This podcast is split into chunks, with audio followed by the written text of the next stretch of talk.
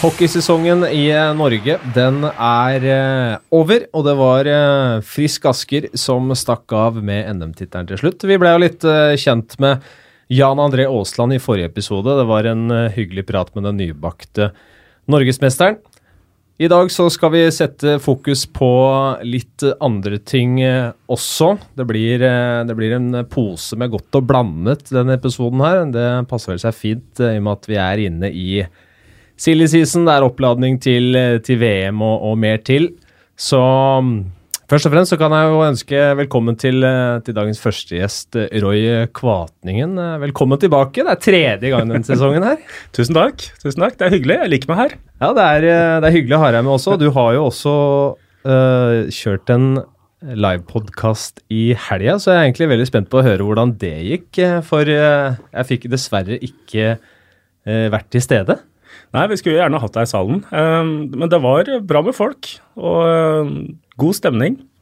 Og de som var der, det var jo Fredrik Sødestrøm og Jan André Aasland først. Og så var det Cecilie Olsen fra Manglerudstad og Håkan Sødegren. Og så dukket Kasper Wikestad opp. Fikk jo litt temperatur på slutten da han og Håkan Sødegren begynte å diskutere norsk hockeys utvikling, litt sånn på tampen. Um, men det var en hyggelig, hyggelig kveld. Ja, og hele den uh, poden ligger vel nå ute. Den ligger ute på høy kølle Ja. på iTunes og Spotify og Podbean.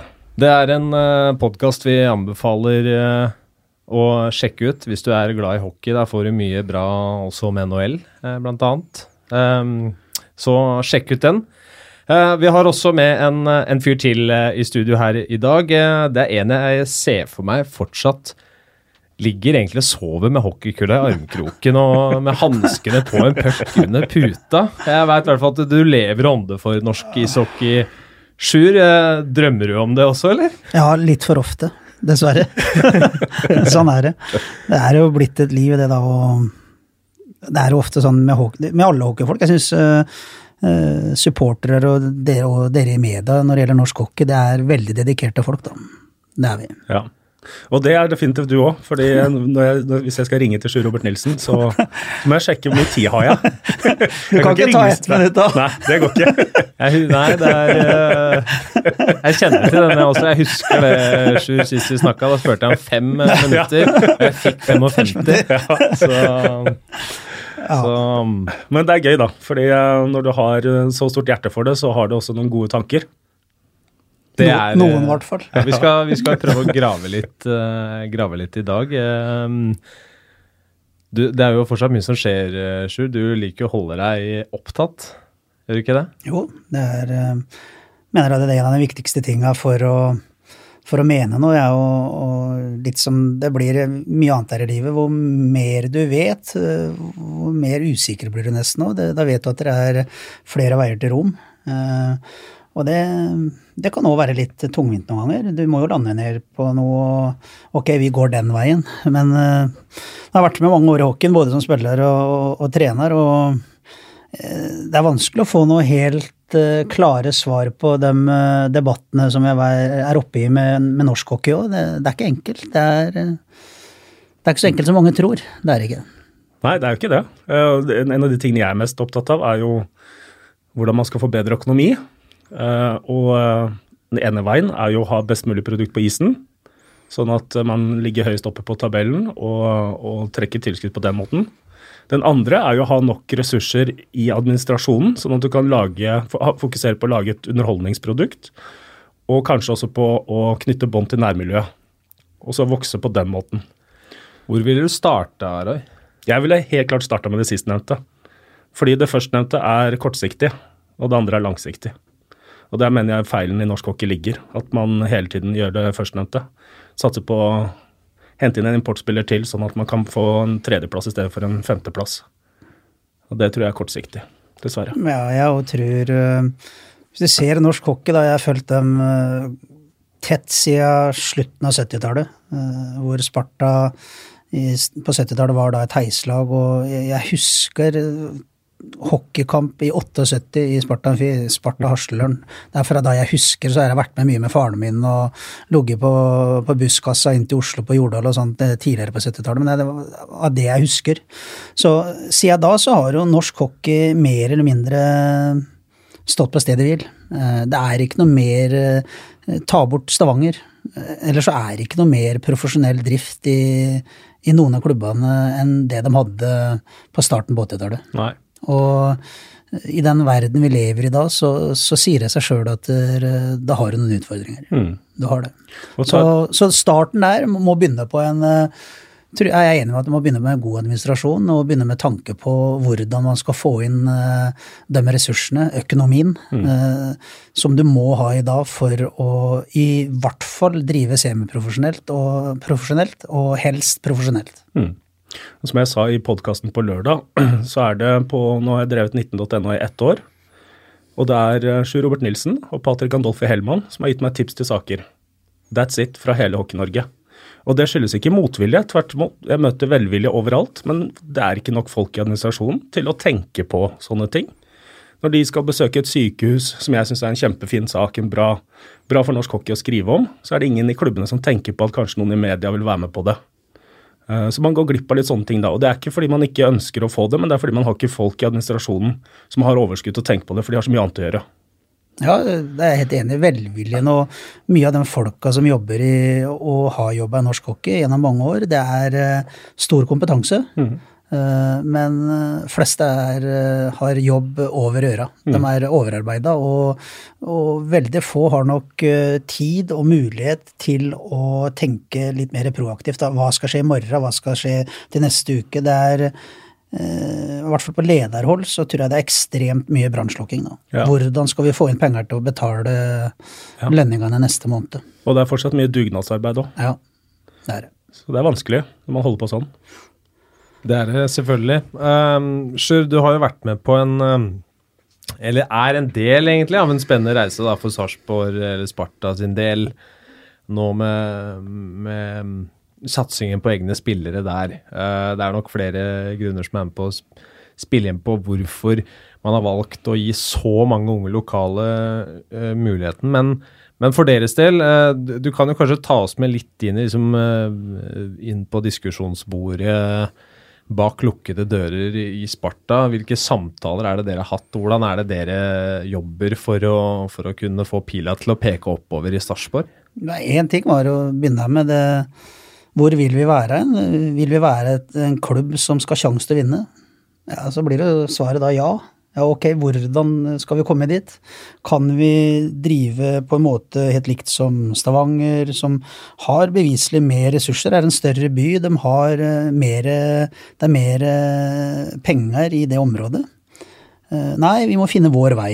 Og sånn var det egentlig når vi begynte å jobbe for en del år siden, og i forkant av det siste NM-gullet vi fikk, Det tok noen år.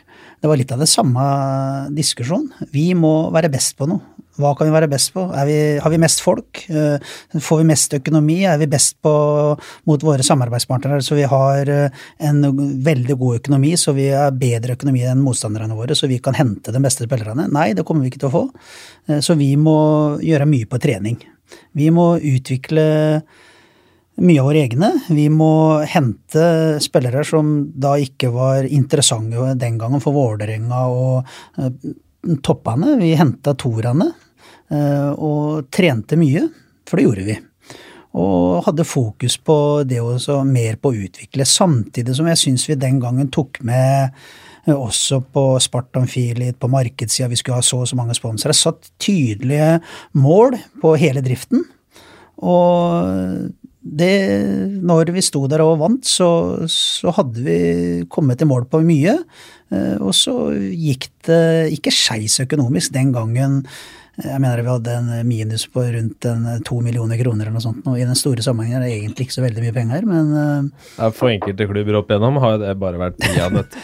ja, men, det er, det, og, og sånn, men sånn er det i hockeyen. Og litt av det samme har vi begynt på nå og, bygge litt fra grunnen. At ok, vi kan ikke konkurrere økonomisk eh, når de litt presumptivt større klubbene drar i toppspillere. Vi kan ikke drive og lete på, på utenlandshylla, da, som de sier. At eh, hvis vi leter på nederste hylle og Stavanger leter på den øverste, så er det naturlig at de, dømmes utlendinger vil være bedre. Vi må kanskje finne noen, eh, noen, andre som vil gå en annen vei, helst da kanskje yngre spillere, som er på vei opp stigen. Ikke hente dem som er eh, enten er på status quo eller faktisk kanskje på vei ned stigen. At de har hatt vært i NHL, de har vært i SHL, de har vært uh, i presumptivt bedre ligaer i Europa, da, og, og henta dem kanskje til uh, klubben når de er pluss par og 30 år. Vi må kanskje da se på, når de er på vei opp, som vi da har vært uh, dyktige med helt tilbake til den gangen vi vant sist, da, med Matt Robinson og Dion Knelsen. Matt Robinson nå, som har vært en bærende spiller, er på All Star Game i KL og gjør det veldig bra der.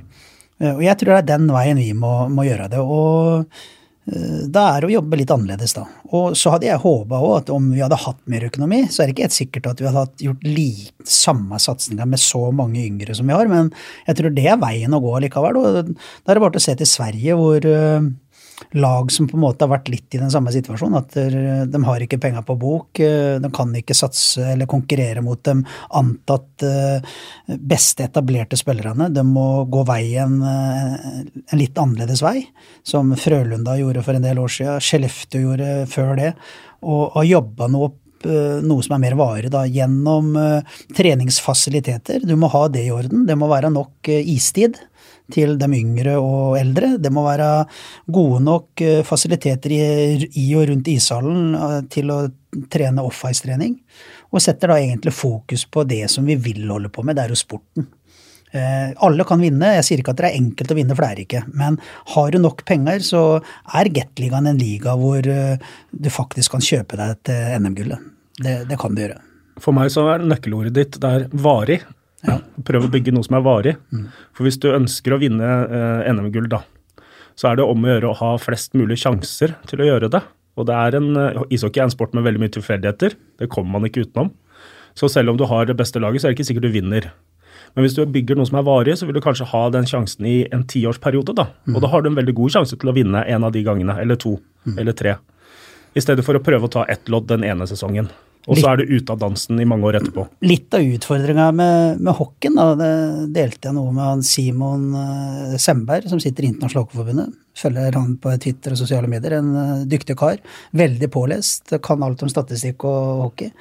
Så ser du sånn På fotballen så, så, kan det være en utviklingsklubb, Ajax, på internasjonalt nivå. Og så kan du være med, likevel være med å leke med de store innimellom, mm. når alt klaffer.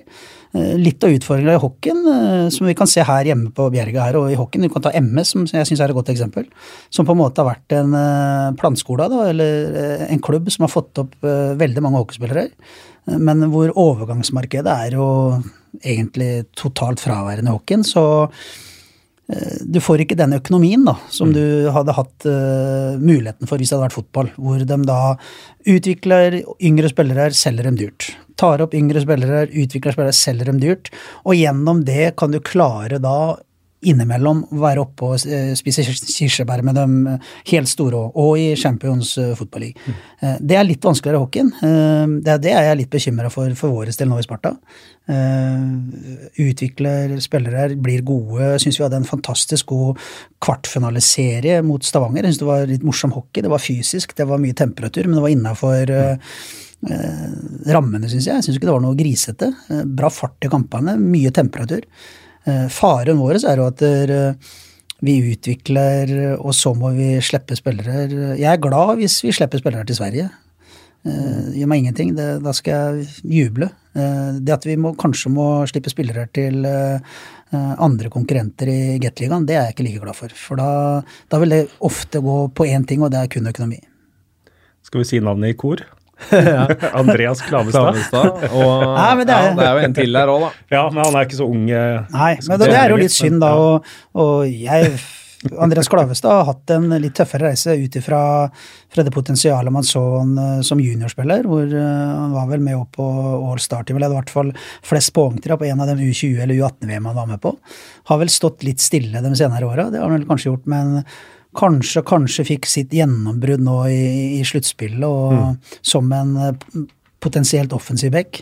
Så selvsagt Klavestad hadde vi ønsker om skulle bli i Sparta og utvikle seg videre der. Men klart det er full forståelse for dem òg, når de kanskje tjener dobbelt så mye, da, eller kanskje mer enn det òg, for å gå til Stavanger. Selv om jeg tror ikke det bare er penger der heller. Det er jo, det er jo snakk om å kanskje vært hjemme nå i tre år, og Klavestad har vært ute og reist før. Han har vært i Asker og vært et år i Leksand med U20, og, og, kanskje har litt av den personligheten som vil oppleve litt nye ting òg. Så jeg, jeg, tror nok ikke det er bare økonomi, men at dere er ganske sikre på at økonomi er en ganske stor årsak, det, det er det nok.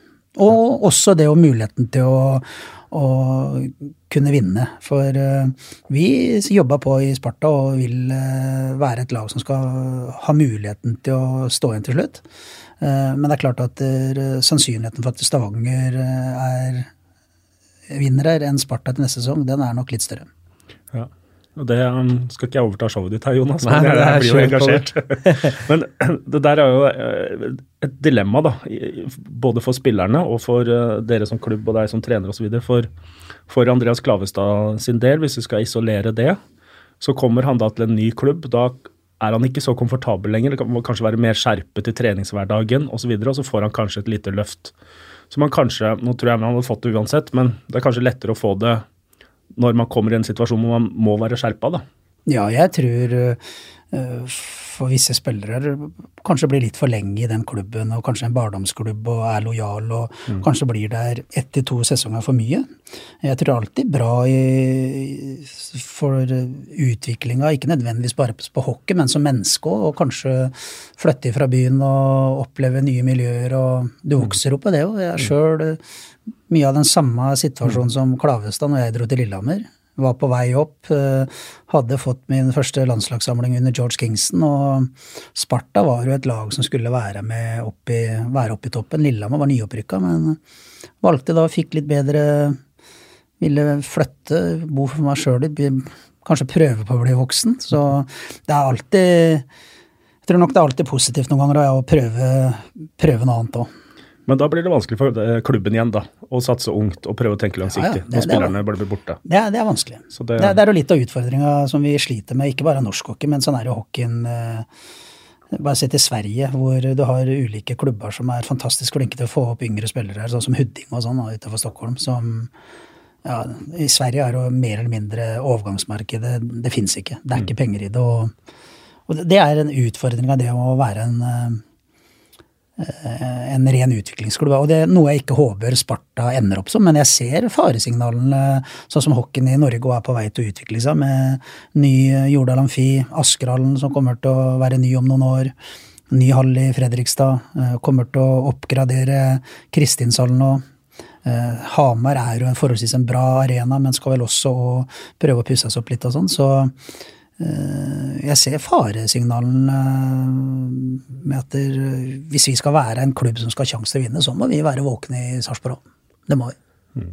Det virker som at um, Sarpsborg kommune ikke spiller veldig på lag heller sånn hva gjelder økonomi, eller? Eh, nå sitter jeg ikke helt på tallene her akkurat nå, men det virka som at dere har vesentlig eller ganske mye større driftsutgifter eh, og halvleie enn en flere av andre konkurrerende klubber i Gateligaen. Nå har jeg ikke tallene på alle klubbene, men Ja, det virker sånn, men det syns jeg er vel Hva skal jeg si jeg sitter ikke på all tallmateriale og alle årsakene til, som det er, men jeg vet at vi betaler mer eh, i kommunale avgifter, om det er kampavgift, om det er eh, leie av eh, garderober, kontorer, hva det måtte kalle det, så, så betaler vi en ganske god del av totalomsetninga til, til Sparta Elite faller tilbake til kommunen.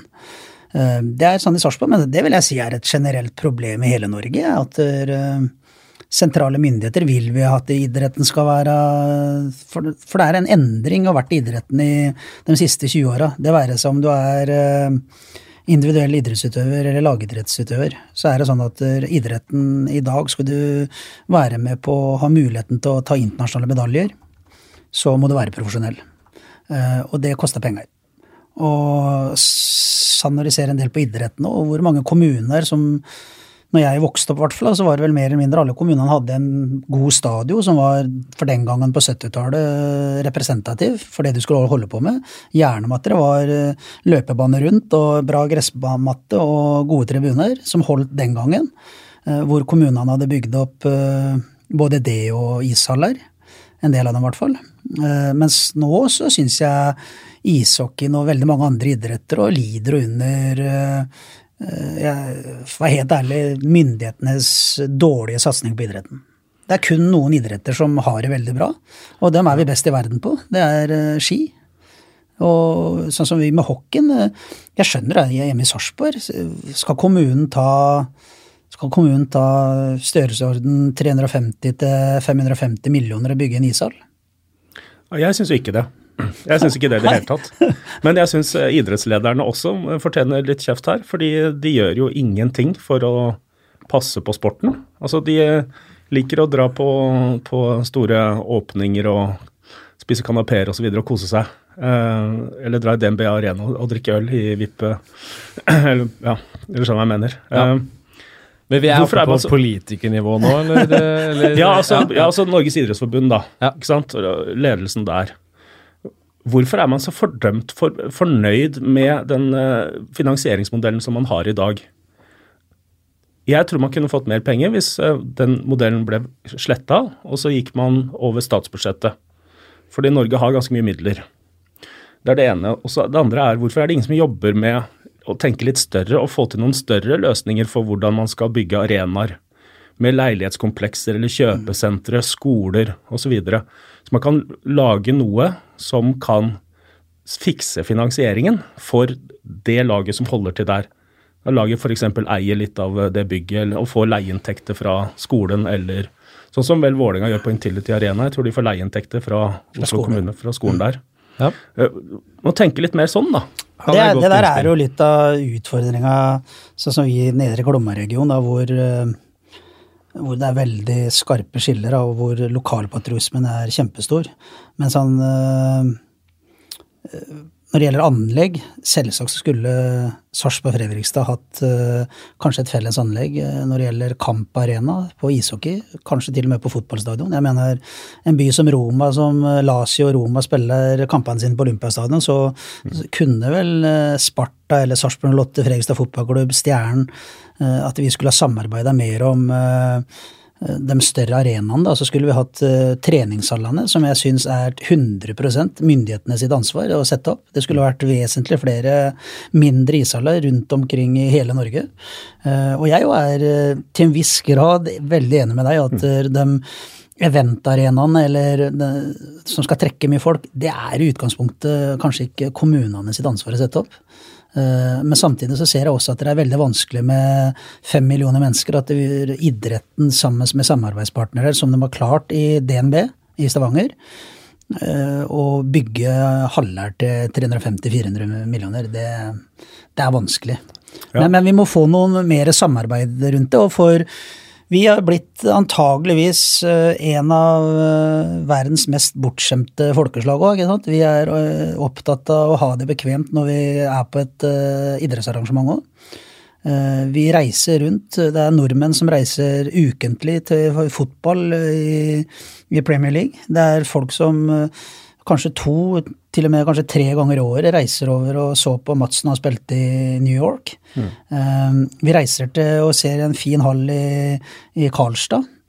Uh, og da å gå i Stjernehallen, f.eks., på, på hockeykamp, det er ikke sikkert du gjør for ofte, da. Så, så, så vi, må, vi, vi, må, anerkjenne det at uh, publikummet i, i, norsk hockey også, uh, trenger uh, bedre fasiliteter for å komme. Og så må vi finne ut noe hvordan vi skal få råd til å, å bygge de arenaene vi trenger. og Der syns jeg det er et ansvar, enig med deg. Eh, idrettspolitikerne må våge å stå fram litt mer, eh, men samtidig også politikerne. Vi kan ikke bare se på dem det eneste når du syns dem i idretten, er når de gratulerer en verdensmester eller en nordmester. Ja. Men, men det er det som er poenget. Med den modellen som er i dag, så har politikerne løst idrettsfinansieringen. Det er ferdig, det. De trenger ikke å tenke på det. Og det er det som skaper den situasjonen hvor, hvor, det ikke kommer mer penger inn til idretten. hvor man, nå har jo det, selvfølgelig, Inntektene har jo økt da, fra Norsk Tipping og overskudd og sånt, så det er jo høyere nå enn det var for ti år siden. Men jeg tror likevel det ville vært mer hvis politikerne var nødt til å bli nødt til å svare på spørsmål på hvorfor de ikke satser mer på eh, idrett som tross alt eh, forebygger kriminalitet, mm. for, eh, forbedrer folkehelsen, eh, gjør integreringen bedre. Altså enormt stor betydning for samfunnet. Mm. Jeg tenker eh, altså spillmonopolet da, og grasrotandelen. Um, hvis man skulle skrota den, da, så tror jeg i hvert fall å åpne opp for de utenlandske selskapene. Så har jeg sett mange liksom snakker om at det kunne vært løst på en lignende måte der. Bare at det kommer fra flere Norsk Tipping. Uh, problemet er vel kanskje at hvis de hadde valgt sjøl eh, hvor de skal legge pengene sine, sånn som disse andre spillselskapene, så tror jeg det ville gått veldig hardt utover eh, små breddeklubber. Ja. Eh, og gagna de største, da, sånn at eh, gapet ble enda større. Bare understreke at jeg er ikke for det i det hele tatt. Nei, nei, jeg, skjønte, jeg skjønte jeg det. Altså. Jeg, ikke, jeg syns ikke gambling skal finansiere idretten i det hele tatt, jeg. Og det er det sikkert mange som kjenner meg, som uh, ikke liker at jeg sier. Men uh, jeg syns ikke det jeg ser ikke helt hvorfor det skal løses sånn. Men jeg tenkte på, altså, jeg, jeg feira Eller jeg var i, i Rendalen, i Østerdalen, i påsken. Eh, det er en eh, kommune med 1791 innbyggere, ifølge SSB. Der har de ishall. Ishall? Ikke ja. bare isflate, men Nei, ishall? en ishall. Og den tror jeg ikke det er mange i det ganske land som, vet, eh, som vet eksisterer. Jeg tror Storhamar har vært der og trent uh, for noen par år siden eller noe sånt. Men der er jo altså Det er fire vegger, tak, vant og isflate. Mm. Eh, vanskeligere behøver det vel ikke gjøres eh, sånn rundt omkring for at eh, det skal bli satt opp flere tre eller flere, mer treningsfasiliteter for lag, eller? Eh? Nei, altså Jeg tok noen bilder. Jeg ikke, kan ikke vise dem her nå, men eh, jeg ser vi har jo mye Og jeg har vært og var det da i Sverige, liksom. Nilsen på Twitter, ja. så kanskje du kan se. Ja, det er mulig at jeg sender det. Men sånn som vi var i Østersund nå, som er en by på 55 000 eller noe, noenlunde som Sarpsborg. Med det idrettsanlegget de har der oppe. og det har vi fått med oss de senere åra, at AS Sverige går ikke som det griner. Nå har det vært en oppgang på industrien og sånn der, men vi som land, da, vi så politikerne dratt rundt og sett og vært interessert i det, og hvor viktig idretten er, eh, så bør de bare ta seg en tur til Sverige og se på dem, eh, alle byer fra rundt 40 000 og oppover til storbyene. Og der er det jo faktisk storbyene som sliter mest, sånn som i Stockholm. Mm. Alle andre byer som er på størrelsesorden 40 000-70 000 mennesker, det er jo det er ikke en by i Norge, forutenom kanskje Stavanger, som kan sammenligne seg med. Mm. Og, men i, problemet i Stockholm er kanskje, nå bare gjetter jeg, men eh, kvadratmeterprisen. Ja, ja, ikke sant? At det er så dyrt uh, bare, bare for landeiendom, og det er billig på landet. Men uh, flere vi, må, vi må ha flere ishaller. Ja, og flere isflater. og flere, flere isflater, og, ja, utendørs om vinteren er fint, og noen bedre For at norsk hockey skal heve seg, så er vi nok avhengig av bedre arenaer. Men det må starte på toppen, da. Norges idrettsforbund ja. og presidenten i Norges ishockeyforbund må ta tak i det. Pushe litt. Nå sitter han på borti gata her, og han uh, toppen i norsk hockey òg, så da Hva tenker du om uh, Altså, vi må starte på toppen, da. Uh, hva tenker du om sånn for norsk hockey og det sportslige del? Burde man bør målet være å gjøre Gateligaen best mulig og så attraktiv som mulig, eller burde man starte i bånn der? Um, ja, Det var et stort spørsmål. Hvor bør ja, si Hockeyforbundet da, ja. legge kreftene sine? Ja, hockeyforbund, Vi har jo norsk topphockey ja. og Norges ishockeyforbund. Topphockey kan tenke på topphockeyen og klubbene. Og så bør forbundet kanskje tenke på å bygge sporten, da. Og det kan man gjøre på mange måter. Eh, og Det åpenbare som vi snakker om, er jo isflater, selvfølgelig. Eh, men så er det også det å jobbe opp mot politikerne for å få mer, eh, få flere, mer fasiliteter, da. For det er jo et stort problem at ikke folk får istid, f.eks. Sånn som Cecilie Olsen sa i, i Manglerudstad i podkasten på lørdag, at hvis de, de, har jenter som ønsker å komme og spille hockey, de får tilbud om å trene lørdag morgen klokka åtte. Og hvem er det som kommer da? Jo, det er de som har foreldre, som er skikkelig ildsjeler. Mm. Det er ingen nye som kommer for å teste ut hockey lørdag, lørdag morgen klokka åtte. Når du trenger hjelp av foreldre til å kjøpe, kjøre utstyr fram og tilbake osv. Så, videre. så du, du, må, du må begynne der, da. Men nå syns jeg jo for så vidt det har jo blitt flere isflater og sånn, så ja, ja. Det, går jo, det, går jo, eh, rett vei. Så eh, vi skal ikke svartmale helt.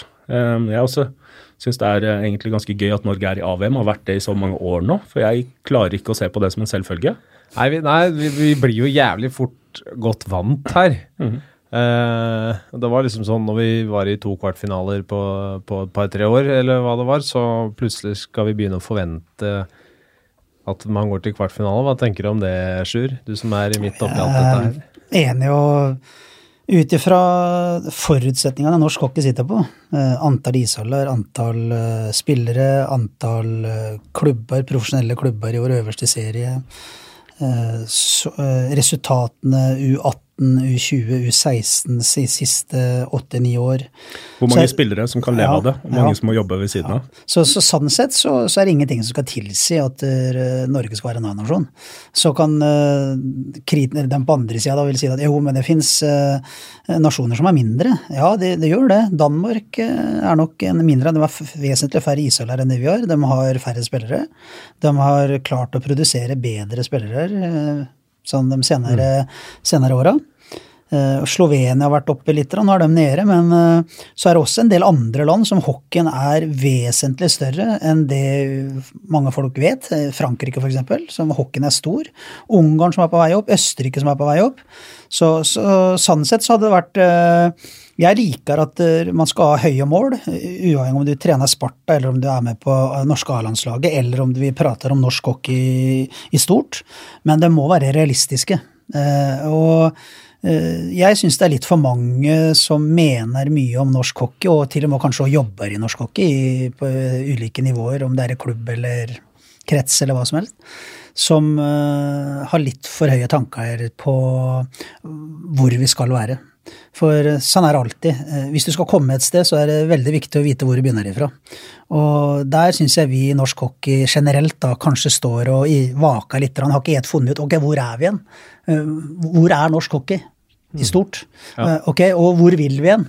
Jo, vi vil, vil vi være en, eh, en hockeynasjon som på A-landslagsnivå skal eh, være en real eh, utfordrer til å ta den kartfinaleplassen. Og det året sola står høyt, og du har medvind og alt klaffer, pang, så plutselig er det en semifinale. Ja, da, må- da må vi gjøre noe mer.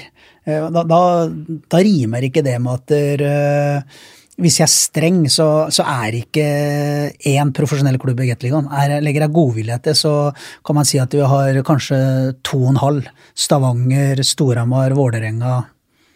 Det er liksom to der. Og, og, det, og da rimer ikke at du skal være i en kvartfinale i VM, vet du. Det gjør ikke det. Nei, Det var jo Sist du var med, Roy, Preben eh, Nei, eh, Vetle Dalberg. Ja. Uh, han kom jo med et uh, meget godt poeng om, uh, om hockeyen i Danmark. som Hva er det dansk ishockey konkurrerer mot av vintersport? Ingenting. Nei. Her er det litt, en litt annen situasjon. Og det er jo det, det er bare å se på norsk idrett igjen. De, de idrettene vi er best i verden på. Hvem er det som har mest ressurser? Hvem er det som har smørebusser? Hvem er det som har uh, hva som helst? høydekammer og, og det er klart at når du er i den profesjonelle verden, så har ressurser mye å si. Det vil ikke si det samme som at dere har det, at dere vil vinne, men mangel på ressurser over tid, da blir det vanskelig å jobbe. Og der syns jeg, sånn igjen prate litt generelt, eh, der syns jeg norsk klubbhockey er. Eh, Vi blir styrt altfor mye av våre begrensninger. Eh, Det er ikke nok ressurser der ute til å drive sånn vi ønsker. Eh, Og sånn er det vel også til en viss grad i, i Norges Isforbund, syns jeg. Mm. Jeg syns òg det skulle vært nok økonomi til at vi kunne hatt fullt ut med alle landslagsopphold, både med U16, U17 mellomår, U18, U19 mellomår fra sommer, fra mai måned og ut sesongen. Nå har vi ikke helt det, men det er blitt mye bedre de senere åra. Vi har bl.a. nå hatt et U25-landslag som har vært i St. Petersburg for tre år på rad, som jeg tror er en veldig bra turnering, og at de neste spillerne som er på, dunka på døra for å komme inn på A-landslaget, er ute og får kjenne på, på internasjonal hockey. Det Det er, er i er hvert fall ingen tvil om at de, det U25-satsingen, at den har hatt positiv virkning for spillerne som har fått vært med på det laget. Ja, det Og se hvordan de har utviklet seg og fått større roller i Gateligaen etter, etter hvert. Ja, og så ser jeg på litt lenger ned, og liksom vi prater om norske A-landslaget, så ser vi på resultatene på U18 og U20 de senere åra, hvor U20 rykka opp uh, i fjor. Uh, klarte å komme på en uh, tredjeplass i, i år. Var litt nærme, egentlig. Så han kunne ha gjort fjerde, da kom det vel på. Mm. U18, som slet, de kunne faktisk risikere å rykke ned hvis de ikke hadde vunnet den siste kampen mot Ukraina. Så vi må se på den biten, mener jeg, da litt over litt lengre sikt. Vi må få opp bedre hockeyspillere. Eh, hvordan gjør vi det? Én ting er, som vi har prata om her, eh, flere ishaller. Men så tror jeg også det er en del ting å jobbe med når det gjelder hvordan vi trener, og hva vi trener på i yngre alder. For det du ser i dag, er jo at eh, det er et ekstremt ferdighetsnivå på, på høyeste nivå. Det er faktisk juniorspillere som gjør det bra i verdens beste liga. Mm. Som faktisk òg kan være dominerende, mm. og gjør mye mål og poeng. Eh, jeg var sånn sjekka før jeg kom inn her for å ha litt kjøtt på benet på den. Den juniorspilleren som gjorde flest poeng i, i Gateligaen i år, det var Simen André Edvardsen på Storhamar. Han hadde eh, seks mål og tolv assist, 18 poeng. Ja. Eh, toppskåreren i SHL, det er Bemstrøm. Han spiller, han er 99-modell. Mm. Han skåra flest mål. Mm. Han er junior. Ja. Så den debatten der og den tar jeg litt inn i det med utenlandet. Derfor jeg har vært veldig i tvil om den utenlandsdebatten i mange år, om vi skal gå under eller ikke. Eh, for det er en del, jeg ser en del argumenter for å ikke gjøre det. For nettopp pga. resultatene til U18 og U20-landslaget til Norge er at de er ikke helt der oppe. De, vi har mer enn nok med å kanskje overleve i, i nivå to. Eh, at vi, vi er ikke best av de nest beste heller.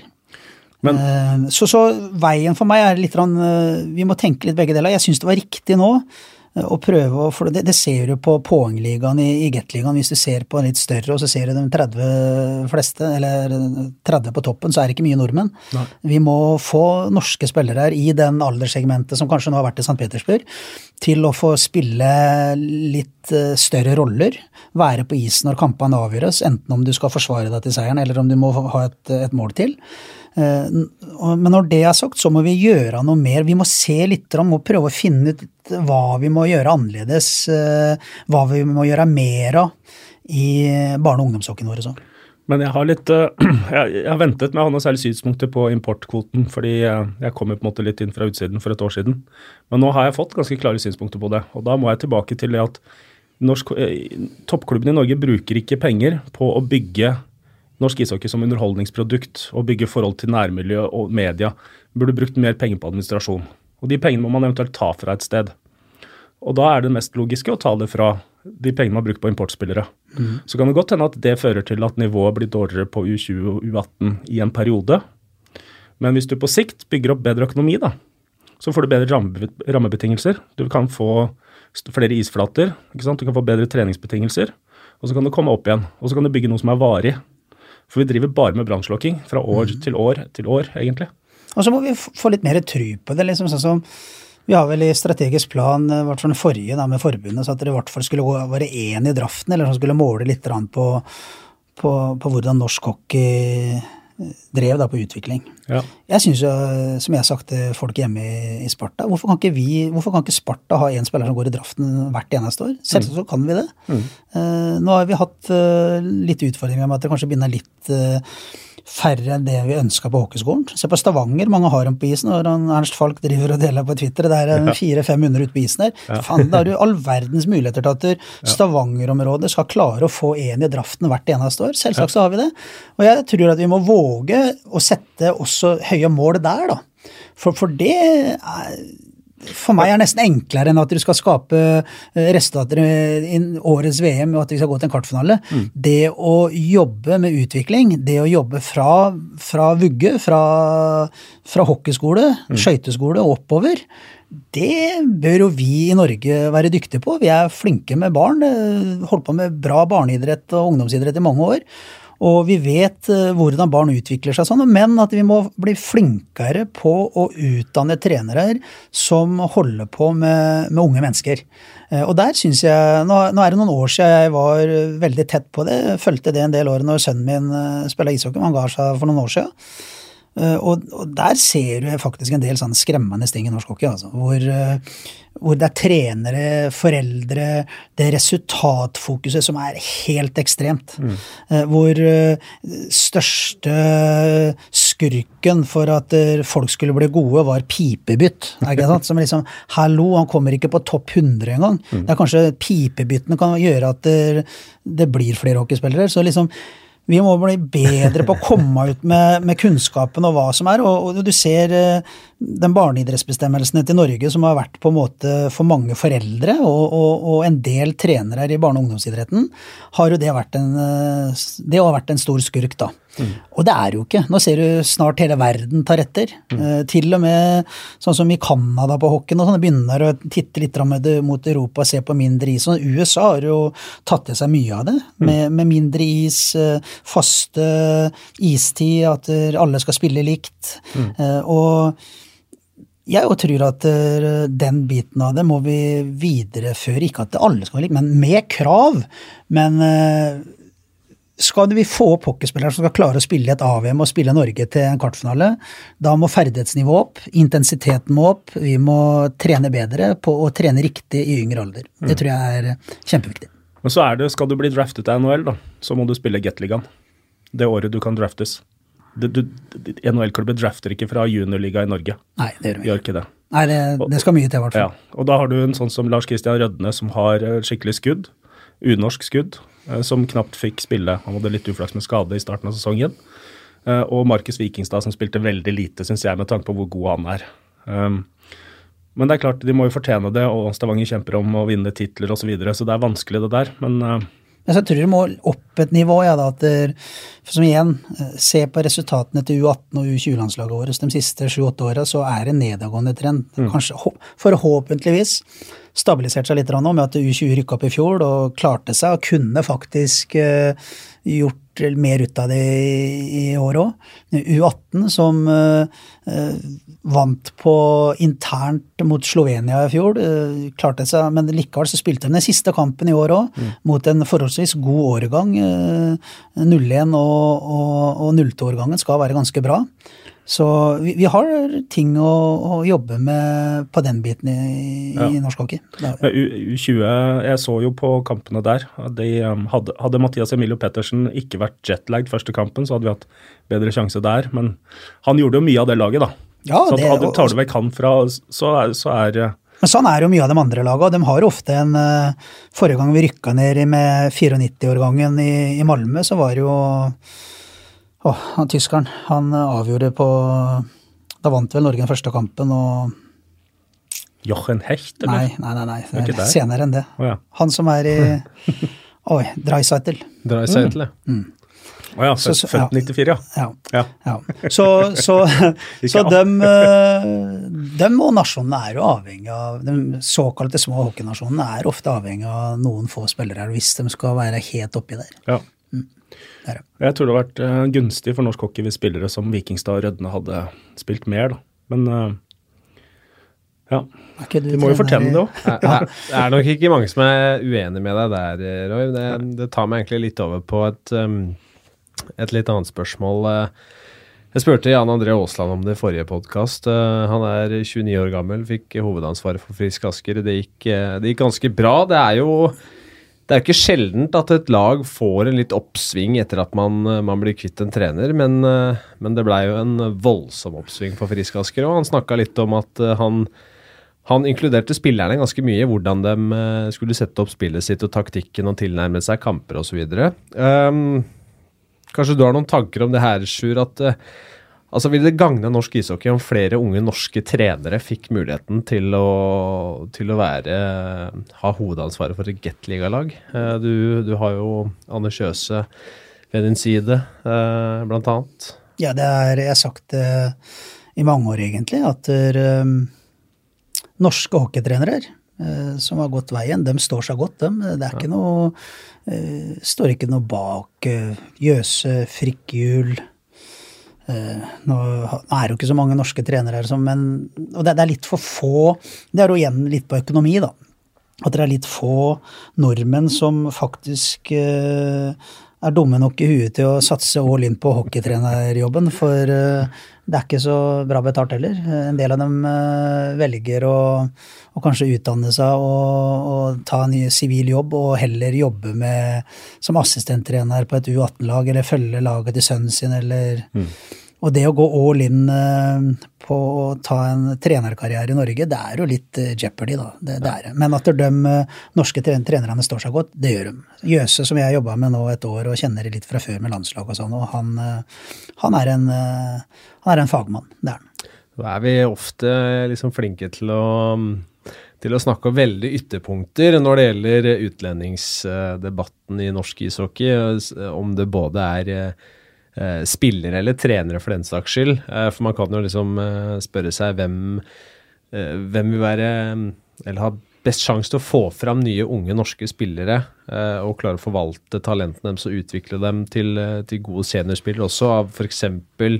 Ja, da Frikkehjul, som du har nevnt, Anders Kjøse. det er flere andre unge som også er på vei opp. Eller er Bengt Åke Gustavsson, som ikke har egentlig noe som helst forhold til norsk ishockey. Eh, samtidig så har du veldig mange eh, utenlandske trenere som har gjort en god jobb også, eh, opp igjennom. Jeg syns f.eks. hva som har skjedd i Lillehammer under Kvarnstrøm, har, der har pilene pekt oppover, i hvert fall for, for mange av de unge norske. Mm. Ja, så, men det vi aldri må glemme oppi, oppi der òg, så er jo at det kommer du som en utlending, du har en CV, hva er det du tenker på? Du skal gjøre det størst mulig sjanse for at laget vinner. Mm. Eh, og så er det jo litt sånn at eh, da går du som trener ofte med rutine.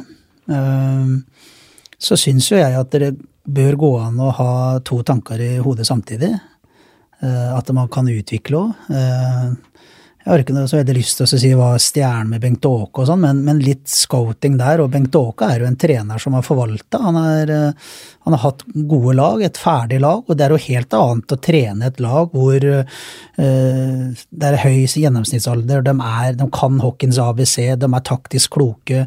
Det er jo ofte mer sånn på å få gruppa til å føle seg vel, se alle, så det er en god stemning. Så, så, det er ulike trenerjobber i et lag. og i år har det vel kanskje vært eh, Frisk Asker og meldte vel seg på dem og, og Eller så var det Stavanger, Storhamar, Frisk Asker Jeg prata om Vålerenga, men hadde Roy og, og, Espen noe krav på seg fra ledelsen i, i, i Vålerenga at de skulle vinne? Nei, det tror jeg ikke. Der er det litt annerledes fram til eh, nye Jordal Amfi står der. Hadde mm. Fredrik Søderstrøm eh, krav på at han skulle vinne i Storhamar? Ja, det har han. Mm. Hadde Bjørkstrand krav på at han skulle vinne i Stavanger? Ja, det har han. Og da da blir det ikke alltid rom for uh, å, å, kanskje slippe til å, å, å, våge å slippe til noen av de yngre, da. Det gjør ikke det. De, Men det gjorde ikke Vålinga heller. Nei, I siste, det... i siste kamp mot Manglerud, de feide over Manglerud. Vålinga så ikke dårligere ut enn de pleier. å de så like bra som de pleier, selv om halve laget var juniorspillere. Mm. Så de har, de har mye talenter der, men de fikk ikke mye istid i løpet av sesongen. Nei, jeg tror jo det er jevnere enn du, du tror vi, vi lovda jo opp med de guttene våre. Eh, fra Kristoffer Karlsen og Håkon Løken, født 98, ned til Emil Lilleberg, født 01, eh, på Final Four oppe på Hamar. Mm. Røk mot Vålerenga i semien. Eh, kunne kanskje gått begge veier. Så, så det er en del spillere her på de topplagene til U21-lagene rundt omkring som uh, kunne helt klart eh, spilt mer i, i Gateligaen. Det er det. Ja, ja. Og det er det da også våge å satse på det. Jeg, jeg, tror eh, Derfor er det antageligvis riktig det Hockeyforbundet gjør nå, at man uh, setter et uh, tak på det. Så, så får jeg opp til hver enkelt klubb, tenker jeg litt òg, at der, Eh, hva vil du for noe, hva vil du med klubben? Jeg som trener har sagt hele tida at eh, jeg vil vinne, jeg òg. Men det er ikke ene og alene det jeg holder på med det greiene her for. Jeg syns det er like viktig om jeg kan uh, i slutten av en sesong en gang sette meg på fly og dra over og se på Emil Lilleberg hvis han spiller NHL. Mm. Jobben min er også å utvikle enkeltspillerne så de kan spille på det høyeste nivå. Mm. Det syns jeg er viktig. Og så er det sånn i idretten og i hockeyen, at utvikling og resultat er ikke alltid hånd i hanske. Noen ganger er faktisk det total krasj. Ja. Det er totale motsetninger. Ja. Sånn er det. Det er det. det, er det. Mm. Et innspill på- til på importkvoten. Nå går vi jo ned, men eh, vi går ned i antall. Jeg tviler på om vi kommer til å gå så mye ned i pengebruk. Så kanskje man burde satt et tak på hvor mye penger man kan bruke på importspillere. I tillegg til hvor mange spillere man kan ha. For én ting er nå når vi går fra sju til seks, men når vi går ned til fem, så tror jeg at det der Hele potensielle gevinsten med å gå ned til fem blir brukt fordi vi bare henter dyrere importer. Jeg, jeg liker i utgangspunktet ikke for mye regler og forhold for jeg, det liker jeg ikke. Det, er, det ligger ikke helt i meg, da, men samtidig så anerkjenner jeg at eh, vi mennesker eh, vi må ha noen sånne store broserer noen ganger òg. Noen, noen regler som sier at er hit, men ikke lenger. Anarkisten Robert Nei, ikke anarkisten, men, eh, men jeg, jeg, jeg tror ikke noe på å si at Det må være opp til hver enkelt klubb, da, syns jeg mye. Hva er det klubben, hvilken filosofi har klubben, hvilken strategi har de for hvordan vil de jobbe? Og jeg tror på det over tid, at der, så må du være en lokal forankring. Eh, Ja, du kan gjerne vinne hvis du ikke har vunnet på mange år, men over tid, og det har du merka i Stavanger òg, som har vunnet mye, men etter hvert så begynte jo det litt der, òg, hvor kommer de lokale? Og så er det faktisk litt sånn at hvis det lokale kommer, og du ikke vinner, og det går noen år, at da vil bare både samarbeidspartner og publikum, da vil du vinne. Hvem du vinner med da, det driter de i. Så det, det der er jo sånn balanse hele veien. Og jeg tror at du må, må ha med begge deler. Det, det, det tror jeg du må. Men vi må det, gjøre det jeg skulle nytt, si med, med jeg skulle ønske at vi hadde kommet dit hen. Vi har litt nå, det var diskusjoner, det var flere og Gateliga-lag som mente at eh, det ville være feil å øke minimumslønna til en Gateliga-spiller til 44 000. Og da prater vi ikke i måneden, vi prater i, Mm. I i, året. året.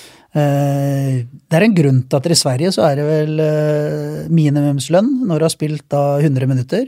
Hvis du er junior, det er 2 eller 23 000 svenske. Eh, Og det ligger jo sånn noenlunde i minimumet som Gateliga-laga må betale spillere utafor Schengen-avtalen.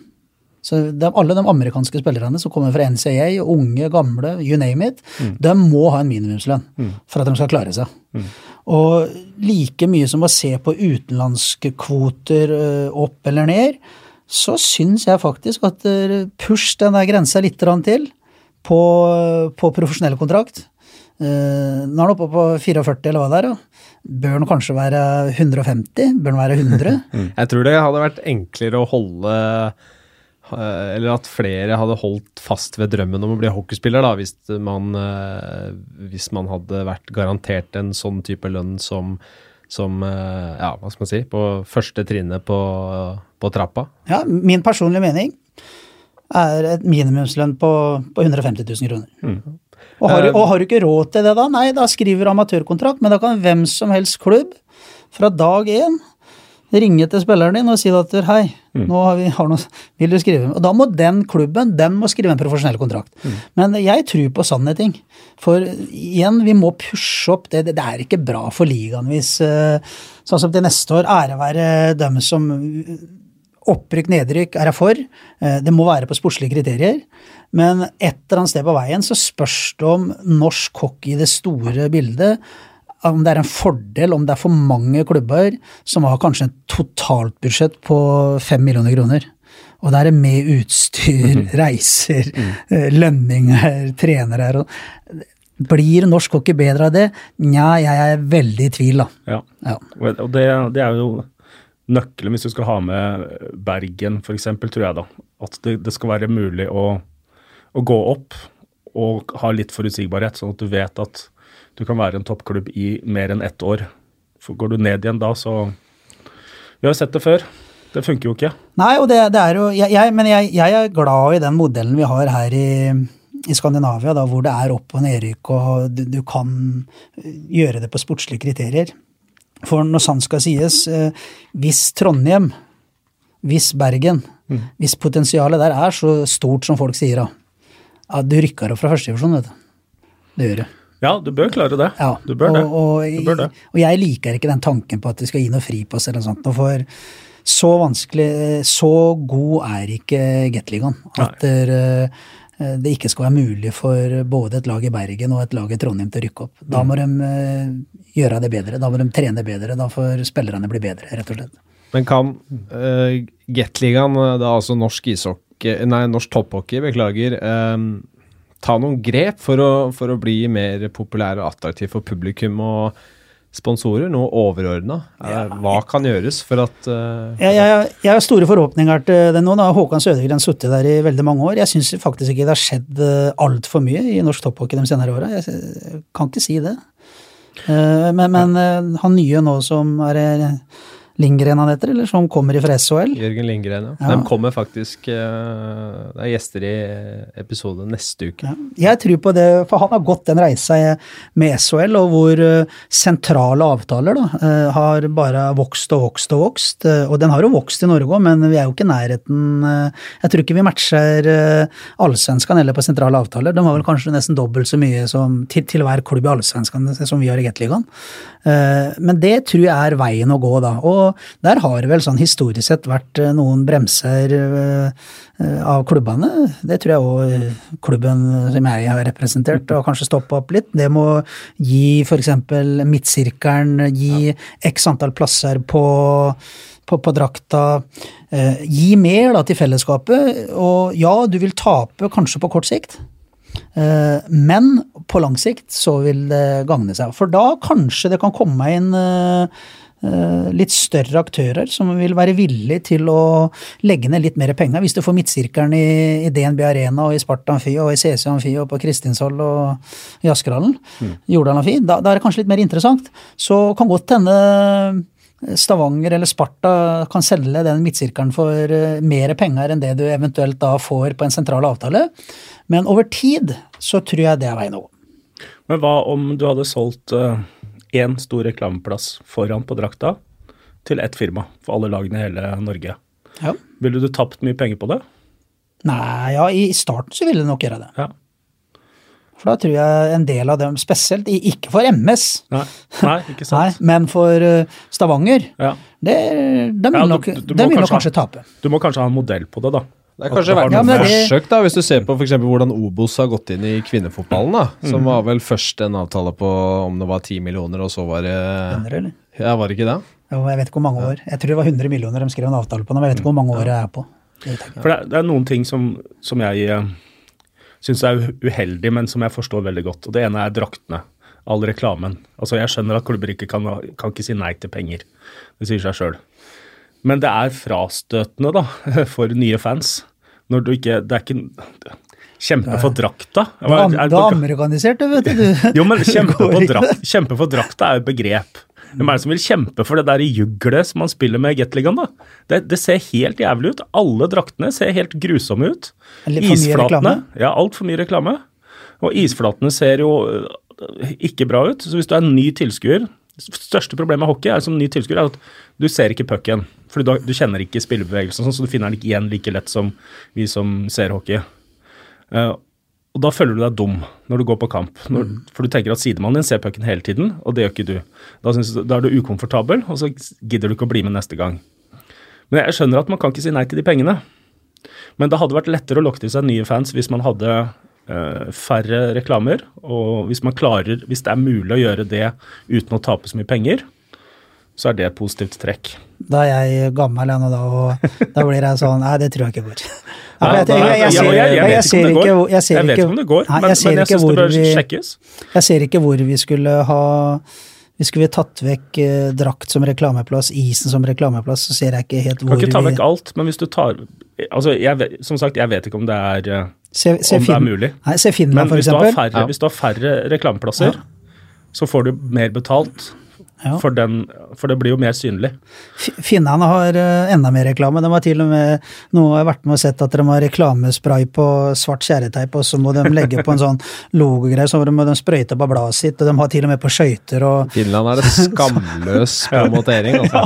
Det er, det er. En, en, annen ting jeg har tro på, som jeg har skrevet litt om på 19, uh, eh, man må investere i uh, Wise Hockey eller noe lignende for hele ligaen ja. for å øke produktet i hallen. Så var, du får opp statistikk på jumbotronen, mm. og alle klubber må jo ha det.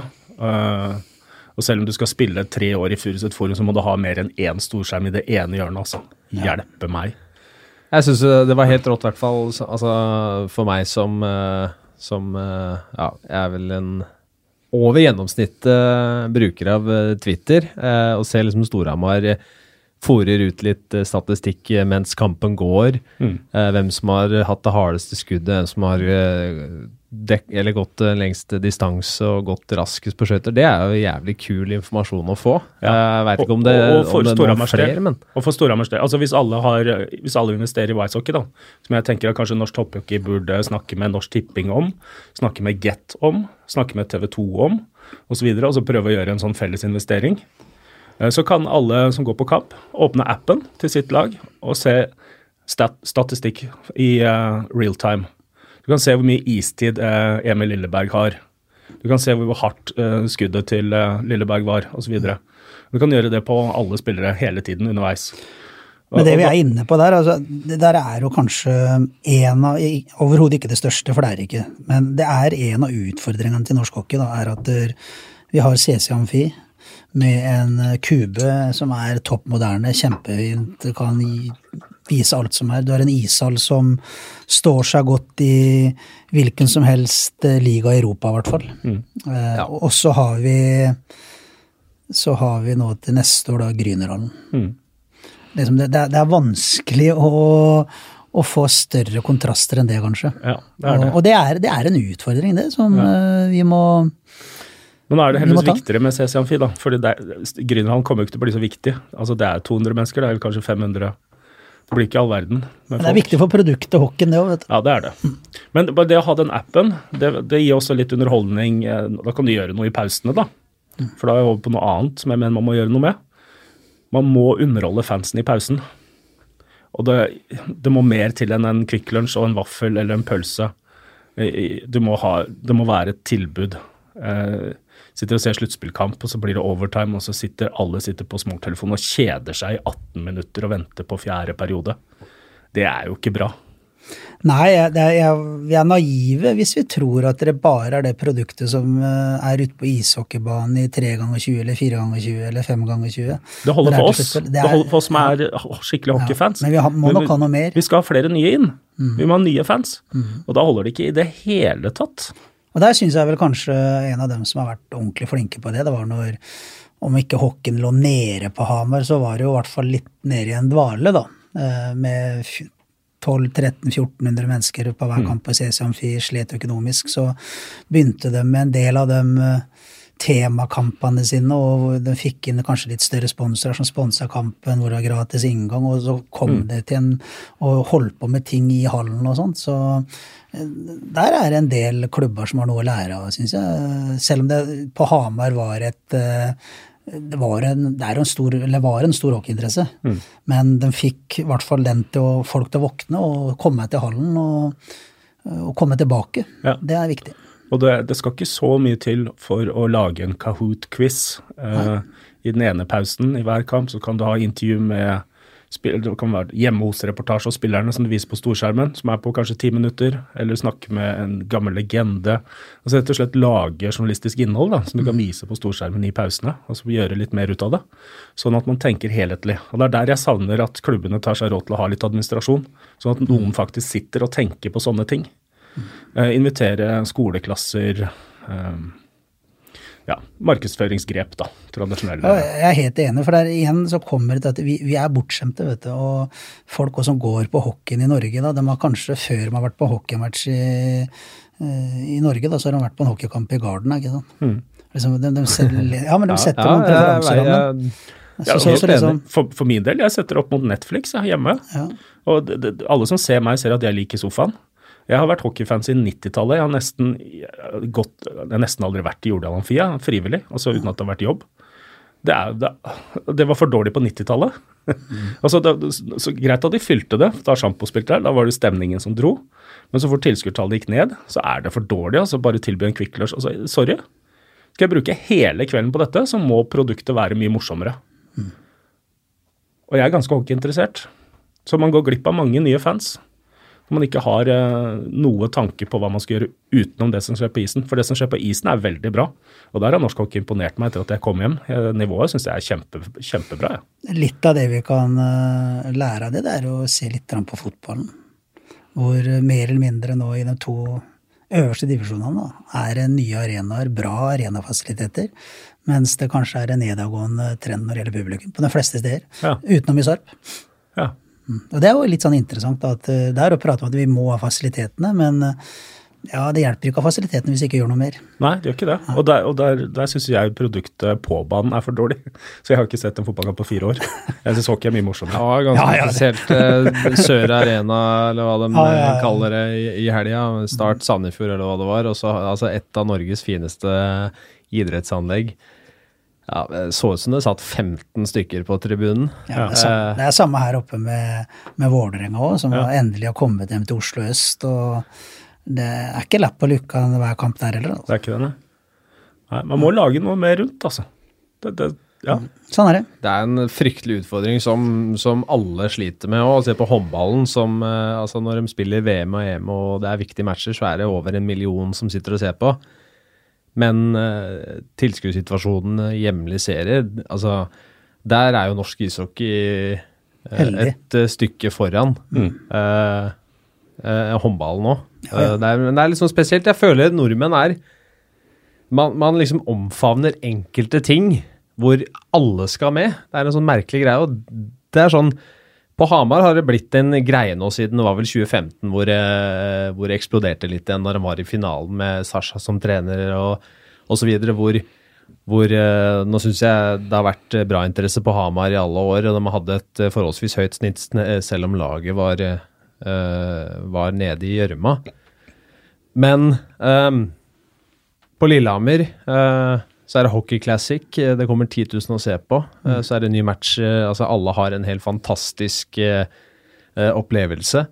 Og så er det en ny match i Kristinshall eh, en uke etterpå. Da er det under 2000. Ja. Jeg, jeg kikka litt på det. Jeg lurer på om den Winter Classic eh, påvirker tilskuddssnittet til Lillehammer med 300-400 over sesongen. Ja, ikke sant? At eh, snittet deres hadde ligget på 1400 uten. Og Der har vi jo vært eh, for så vidt eh, i den podkasten her tidligere med, med Erik Follestad og Marius Skjelbæk at eh, det er jo faen ikke mulig å få parkert uh, rundt der engang. ikke sant? Det er, uh, og det er sånne små utfordringer som at det er et Altså det er, det er en stressfaktor å komme seg til kamper og, og se på for enkelte, da. Ja. Men det, det er Alle litt sånne sånn ting betyr noe. Vi skal passe oss litt for å si med norsk hockey, tenker jeg, da, med publikumstallet har vært så fantastisk bra, det er en økning. Det er jo mye takket være at eh, de har opprettholdt ganske bra i Stavanger. Mm. Og så har du hatt Storhamar som har hatt eh, gode tall. Eh, samme ute i nybakte norgesmesteren Frisk Asker. Eh, Greit nok at eh, de hadde store forhåpninger og starta dårlig og sparka treneren og sånn, men en vanlig hjemmematch i Askerhallen på en torsdag De har ikke trukket så mye mer enn 1300, dem heller. Og, så, vi- så vi har noen utfordringer der. Eh, Jeg delte det og mente tidligere òg, når Asker hadde mye yngre spillere som kom opp gjennom NTG-systemet og sånn at der- så askeværingene og Oslo vest, Bærum-folket, de kom til 1300. Det er sånn eh, greit tall som ofte er i Askerhallen. Ja. Og de har jo potensialet til at de må, må fylle hallen. Kanskje der òg, at man venter litt for mye på en, en eh, nyere hall og med alt hva det innebærer. Så vi har noen, vi, vi, skal ikke, vi skal passe oss litt så at vi ikke ser blinde på den tallet heller. For det er, det er mye takket være kanskje to klubber hvor publikumstallet er høye. Og la oss si at eh, Frisk Asker og Manglerud Star da, nå går inn i en fase hvor de blir de dominerende, to dominerende lagene. Eneste som har sjanse på tittelen hvert år i ti år framover. Da går jo tilskuertallene kraftig ned for hele Gateligaen. Ja.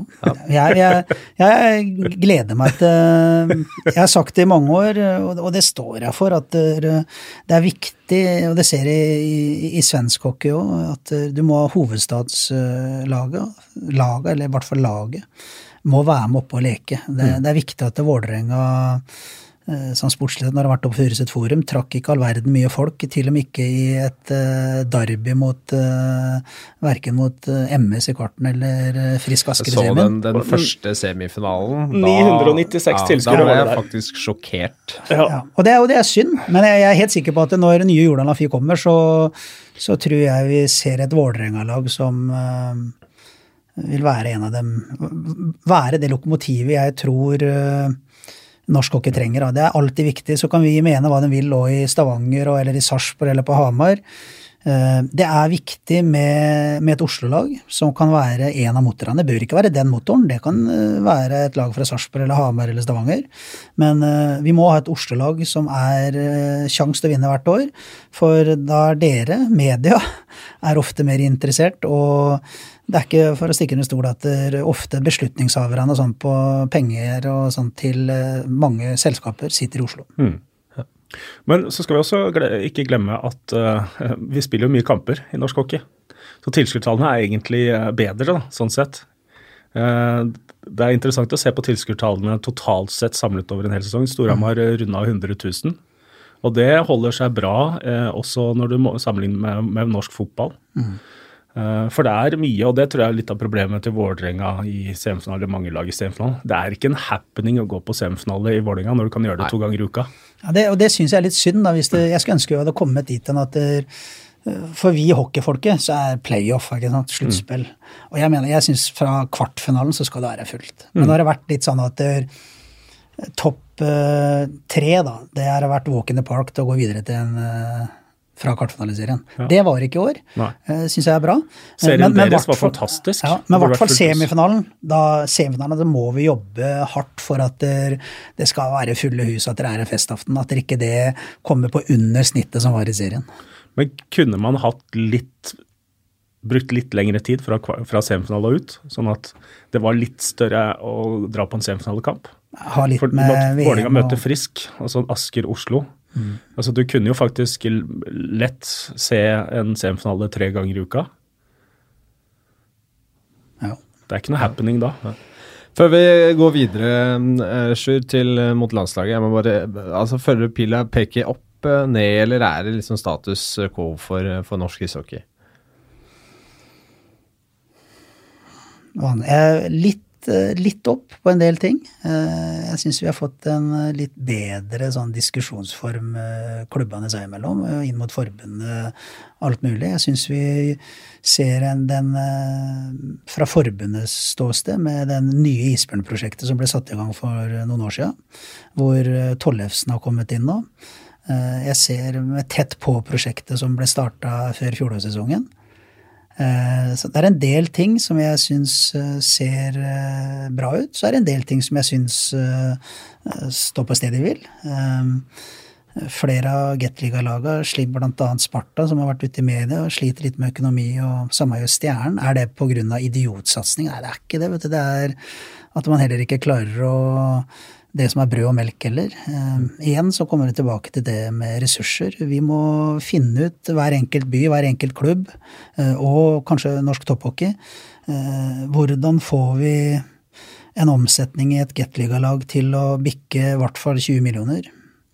Et eller annet sted mellom 20 og 24 må du ha, tror jeg, hvis du skal, eh, skal ha mulighet. Driver og vaker nede på på, sånn som vi, med kanskje en 16,5-17, ned kanskje til Stjernen som ligger kanskje på 14. Lillehammer ligger vel sånn noenlunde på samme tallet. Da blir det vanskelig å drive eh, semiprofesjonelt òg, over tid. Og da får vi en del av de negative skriveriene om at klubbene sliter økonomisk. eh, Ser litt sånn eh, dumt ut. Eh, Det er ikke så mange som gidder å sette seg inn i det og si at ja, men er det her å slite økonomisk? De, I utgangspunktet så så er det, er knalltøft. De, de har vært flinke som klarer å få til det greiene på dugnad. og Men jeg skulle gjerne sett at du som trener eh, gikk i clinch med daglig leder hele tiden. At trenere i alle klubber eh, var sure på daglig leder i alle klubbene. Fordi eh, daglig leder jobbet med å forbedre underholdningsproduktet, og var uinteressert i hvordan laget gjorde det på tabellen. Det er trenerens og spillernes jobb å gjøre det best mulig, mens resten av klubben skal bygge underholdningsproduktet. Og det skal jo vi trenerne, syns jeg. Det, det, er alltid en sånn interessant diskusjon da, at uh, en treners jobb er kun å få laget til å vinne. Men så er også det også Vi driver jo i underholdningsbransjen. Mm. Så kan vi like det, mislike det. Uh, så, kan, så, vi må, nok levere en underholdende hockey òg. Det, det, må vi jo. Så kan du se på årets ferske mester. Eh, vant Frisk Asker på en underholdende positiv offensiv hockey? Nei, de gjorde jo ikke det. De vant på en veldig godt målvaktspill og oppofrende eh, bra defensivt spill, som kan glede en tre, mm. trenerhjerte. For det kan jo vise til at eh, det er faktisk mulig. Mm. Jeg tror nok de fleste guttene på Sparta-laget Frisk Aske vant. Ja, men faen, da kunne vi ha gjort det. Ja, det kunne vi ha gjort. Ja.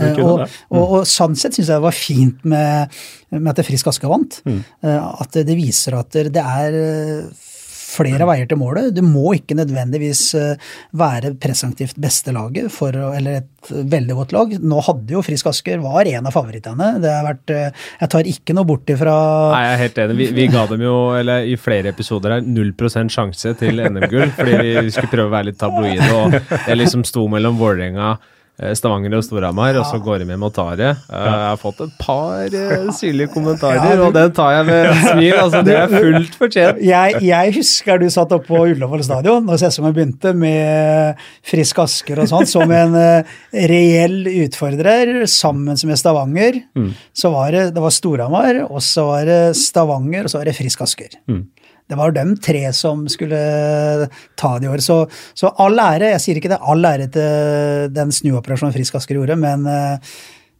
vi kan ikke glemme helt hvor statusen var når Gatlingan begynte i 2018-2019. Nei, det, det er, sant. Det. Så, men, det, det viser i hvert fall at det er, er muligheter, og det, det, tror jeg er viktig for flere klubber, sånn som oss i Sparta, Lillehammer Stjernen At det, det, er mulig. Det, det, er, det, er, mye bra i de andre klubbene nå. Det begynner å bli tightere. Mm. Norsk hockey har ofte bestått av, i mange år, to lag. Vålerenga og Storhamar. Så har det nå de senere åra vært Stavanger og en eller annen som har meldt seg på. Mm. Uh, nå i år var det tight. Seks ja. første der, var, det var spennende. Men det stemmer litt med trenden internasjonalt også. Hvis du ser på sluttspillet i NHL i fjor, de to finalelagene der var ikke det beste, ingen av de som var det beste laget i NHL i fjor. Men de vant på kontringshockey. Mm. Det var liksom godt keeperspill, tight defense og hurtige overganger. Mm. I år er jo sluttspillet fullstendig dritings. Ja, men det er akkurat det, er akkurat det samme. ja. Det er akkurat det samme. Det er jo de som ligger bak og kontrer, som gjør det best. Så det er, det er, noe i det, altså, at keeperspillet og forsvarsspillet er på høyt nivå. Jeg, jeg må si Den jeg føler mest med om dagen, Daniel Andersen oppe i Trondheim. Å, fy fader. Så altså jeg veit ikke om det fins en større Tampa Bay Lightning-fan. Jeg vet ikke om det finnes en større fan av noe lag nei, nei. i noen idrett. og altså, de spaserte gjennom uh, grunnserien. Og så er det tangerte rekorden, 62 seire. Ja. Ja, det, er, det er helt sjukt. Og så tapte de fire kamper på rad og røyk. men det var ikke noe Jeg følger jeg litt med på NHL, men jeg er ikke noe sånn superduper-fan. Det må jeg ærlig innrømme. Du får ikke tid til alt. Nei, det var men, ikke kjangs til. Du må men sove. det var ingen som hadde jubla å få uh, Columbus heller, da, for å si det sånn. Nei, det, og det er et veldig godt poeng. Det, det, det var et lag som var tippet som utfordrer før sesongen starta. Ja og som eh, forsterka ved deadline. Ved deadline, veldig òg. Ja. Så. så, de er, Jeg blir ikke overraska hvis de vinner hele greia. Nei, det kan de gjøre. Det kan de. Det kan de. Um, vi har jo vært, eh, vært innom mye nå. Uh, som sagt, vi skulle hoppe til landslaget. Jeg må bare få, få gått inn på én ting. Det var veldig mye utenomsportslig, eller utenomsportslig blir kanskje feil å si, men det var mye fokus på andre ting enn hvem som skårte flest mål gjennom uh, sluttspillskampene.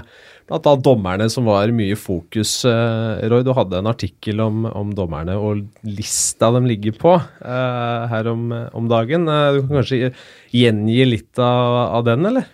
Ja, det, det, kan jeg prøve å oppsummere ganske kort.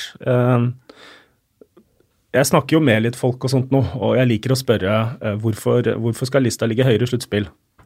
Og det eneste svaret jeg egentlig får Det er to svar jeg får. Det, det ene er, ja, det, det, er, det, er, sånn det alltid har vært, er det ene. Eller så er det det at ja, men dommerne vil ikke påvirke kampen. Mm. Og til det siste så må jeg bare si at hvis du tror det, så er du tjukk i huet. Fordi dommerne påvirker, Det er da dommerne påvirker kampen. Når de blir vanskeligere for de som har størst ferdigheter, å bruke ferdighetene sine gjennom hekting, obstruksjon og slashing osv. Og, så og det ser vi jo Eh, så det, det, argumentet er jo bare helt håpløst. Eh, så, så det er én grunn alene til at lista må ned.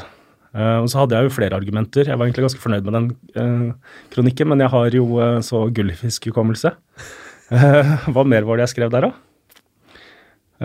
jo, det fører jo også til Det fører jo også til at det blir vanskeligere for dommerne.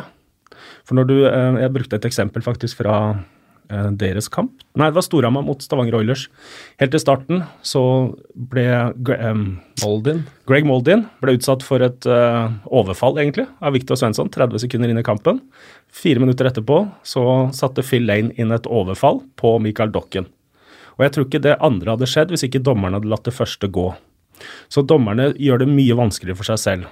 Det er én ting, og så har du en ting til dommerne har jo forskjellig list. Altså, når du, ikke, når du ikke lenger følger regelverket, som er objektivt, du legger lista høyere, da blir det jo skjønn.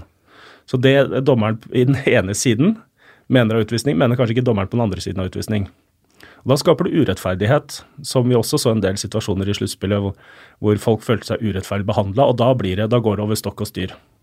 Så det, det, Jeg finner ingen gode grunner til at lista skal ligge høyere, men jeg finner mange gode argumenter til at den skal ligge der den ligger.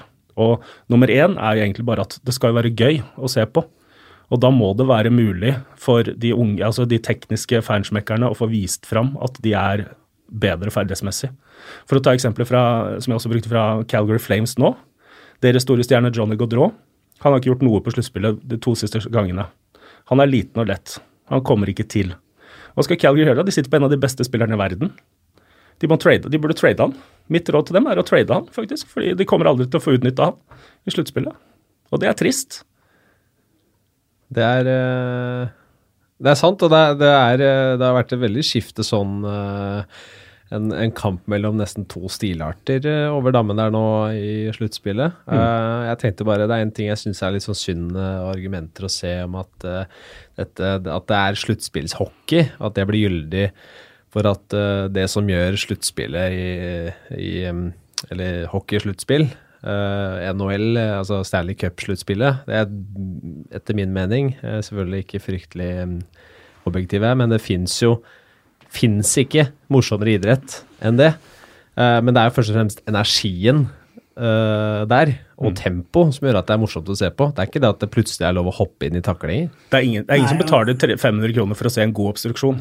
Nei, jeg, jeg syns jo at vi i norsk hockey bør ta en uh, Det bør jo være en diskusjon med klubber, forbund, eller norsk topphockey, klubber, forbund, dommere, ut ifra hvilken linje det er. Og jeg jo syns uh, jeg ser jo nok hockey til å mene at uh, Gateligaen er nok en av de ligaene i verden som man tillater mest destruktivt spill. Ja, Det syndes jo mye, og det påvirker oss veldig ofte. Ja, i, i køllebruk, uh, holding inne ved vantet, uh, ja interferens eller obstruksjon. Var det Victor, Svens, det Victor Svensson som sa i et TV 2-intervju at jeg kommer til å fortsette å slashe? ja. Så liksom Samtidig så syns jeg det har vært en del diskuterbare utvisninger på fysisk spill. Mm. Eh, det skal vi ikke ta bort. Mm. Eh, ja, du har regelverk der og med eh, for stor fart, charging midt på banen, boarding ved vantet. Mm. Men det fysiske spillet, det, det, er et element i hockeyen, og det, det skal vi verne om. Det, det, må være lov. Og det er lov innenfor regelverket. Ja, ja. og, det, og det, kan du se på den beste kampene i SHL nå, i finalespillet, eller ja, da nå i, i sluttspillet NHL, hvor det er ikke noe mindre fysisk spill. Mm. Men jeg syns jo spesielt NHL er flinke på det destruktive med køllebruk og, og interference holding, da. Det, ja. det syns jeg. Ja, Der syns jeg, som eh, objektiv tilskuer til finalespillet, så syns jeg helt klart at der, eh, kanskje Storhamar ble litt straffa gjennom at der, eh, eh, grensa for hva man blåste, holding, interferens, køllebruk, var såpass høy. Ja. Og da har dommerne direkte påvirket kampen, som er et av argumentene for å Men det er, det i hvert fall viktig å, å, å, å ta opp, da, altså, for som du sier at det, det er et regelverk, og det vil alltid være en viss form for tolkning i, i regelverket i ishockey. Hva er en holdning, hva er en hekting? Men at det, vi får en uh, ganske tydelig linje på det, og, og, den linja kan ikke flyttes uh, fordi at det er et sluttspill. Mm. Det er jeg helt enig. Ja. Vi, vi, trener jo, det er sånn som vi sier som trenere til, til, til et lag, da Eh, sesongen, selvsagt den er viktig for oss, men vi trener på ting da som gjør så at vi vil være best når sesongen skal avsluttes, og det er i mm. sluttspill. Og sånn er det jo med regelverk og med dommere og hele pakka òg. Og nå skal du inn i et VM. Um, er ikke dette en ulempe for de som kommer fra Gateligaen og skal spille VM? Ofte så ser vi at vi er litt i overkant med utvisninger på destruktivt spill, køllebruk, eh, hekting, holding, ja. For jeg er vant til at det går greit? Ja. Det var bra dere dro og sove på VM, da, for det var jo dit vi skulle etter hvert. Eh, vi har jo sittet her en god stund nå, men uh, hvorfor ikke fortsette? uh, da, dere er jo ferdig med, med oppkjøringa, Sjur. Ja. I hvert fall sånn kampmessig. Ja, én kamp igjen da mot Slovakia. Ja, selvfølgelig. det er helt riktig. Men hvilke svar føler dere at dere har fått så langt? Ja, kortversjon så syns jeg vi har uh, spilt et veldig bra spill uten puck. Uh, til og med mot Finland den siste matchen vi taper 7-0. Der gikk lufta litt ut av oss når de får 4-0 ganske tidlig i, i tredje periode. Jeg syns vi har en, et bra aggressivt spill når det gjelder høyt press, presspill, styrspill og inngangen i egen sone. Ligger ganske bra aggressivt og brukbart bra i etablert forsvarsspill òg. Så, så den biten syns jeg vi har uh, eh, heva i forhold til uh, fjorårets VM, på de kampene som vi har hatt nå. Uh, så er det det da neste steg å, å klare å skape noe, og skape nok mot, uh, mot antatt bedre motstand, da. Det, det, er jo der kanskje utfordringa ligger. Men samtidig så, så kan vi ha et godt forsvarsspill og holde mål imot nede på si, kanskje maks to. Da, da, ligger vi, uavhengig motstander, så ligger vi da en god sjanse til å kunne ta med oss poeng. Eh, så er det det, nå skal vi finslippe. Vi skal fortsatt ha fokus nå på den treningsuka når vi begynner i morgen på Lørenskog. Skal vi trene der på, på tirsdag, onsdag, torsdag, fredag. Eh, og da blir det fokus fortsatt på, på det spillet uten puck. Eh, samtidig så går vi over litt mer og har vår, helt klar vår strategi på hvordan vi vil spille angrepsspill med, med raske spillevendinger og sånn. For jeg tror nok vi er avhengig av å gjøre noe flere mål i eh, overgangsspill. Eh, forliter vi oss eh, på etablert angrepsspill og powerplay bare, så tror ikke jeg det holder. da. Vi, vi, må, vi må, klare å skape noe på, på overganger òg, når motstanderen er i ubalanse. Er, er, eh, nå spør jeg som uvitende, er, er farta vår bra nok i overgangsspillet? Farta sånn rent sånn skøytemessig Det kan jo være i hodet òg, det. Det er, det er det som er spørsmålet. For mm. det er ganske mange spillere nå. Vi har ikke telt over hvor mange som spiller i Gateligaen eller likeverdige ligaer. Ta med allsvenskan på rundt det. Mm. Eh, men de senere åra har det ligget rundt på ca. 13-14 spillere. Og det er klart at det er på et helt annet nivå når det kommer opp på VM. Mm. Uh, og det å klare å få For det må gå fort når du vinner pucken. Det, det, må gå sjukt fort. Ja, overgangsspillet fra å Eh, spille defensivt og vinne pucken til at dere skal gå offensivt, det må gå veldig fort. Mm. Og det er jo Og da er det viktig at man uh, har et, et, mønster som man jobber etter. For er du det beste laget, så bør du ikke spille etter så mye mønster. Mm. Det bør du ikke gjøre hvis du er, har mm. de beste individuelle ferdighetene. Vi er nok avhengig av at vi har et, en god lagdynamikk og god samhandling når vi vinner pucken. At vi i visse situasjoner så vet vi hvor de andre spiller spillerne går hen. Mm.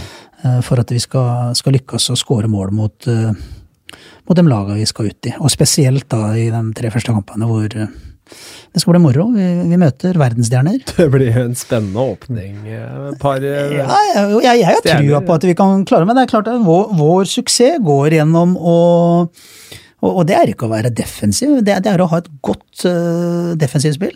Uh, og det vil ikke være at vi skal stå rolig. Det skal ikke være sånn at vi skal tette midtsona, sånn som hockeyen var gjennom en tiårsperiode hvor det sto fem mann og vrikka på ræva i midtsona og spilte styrspill.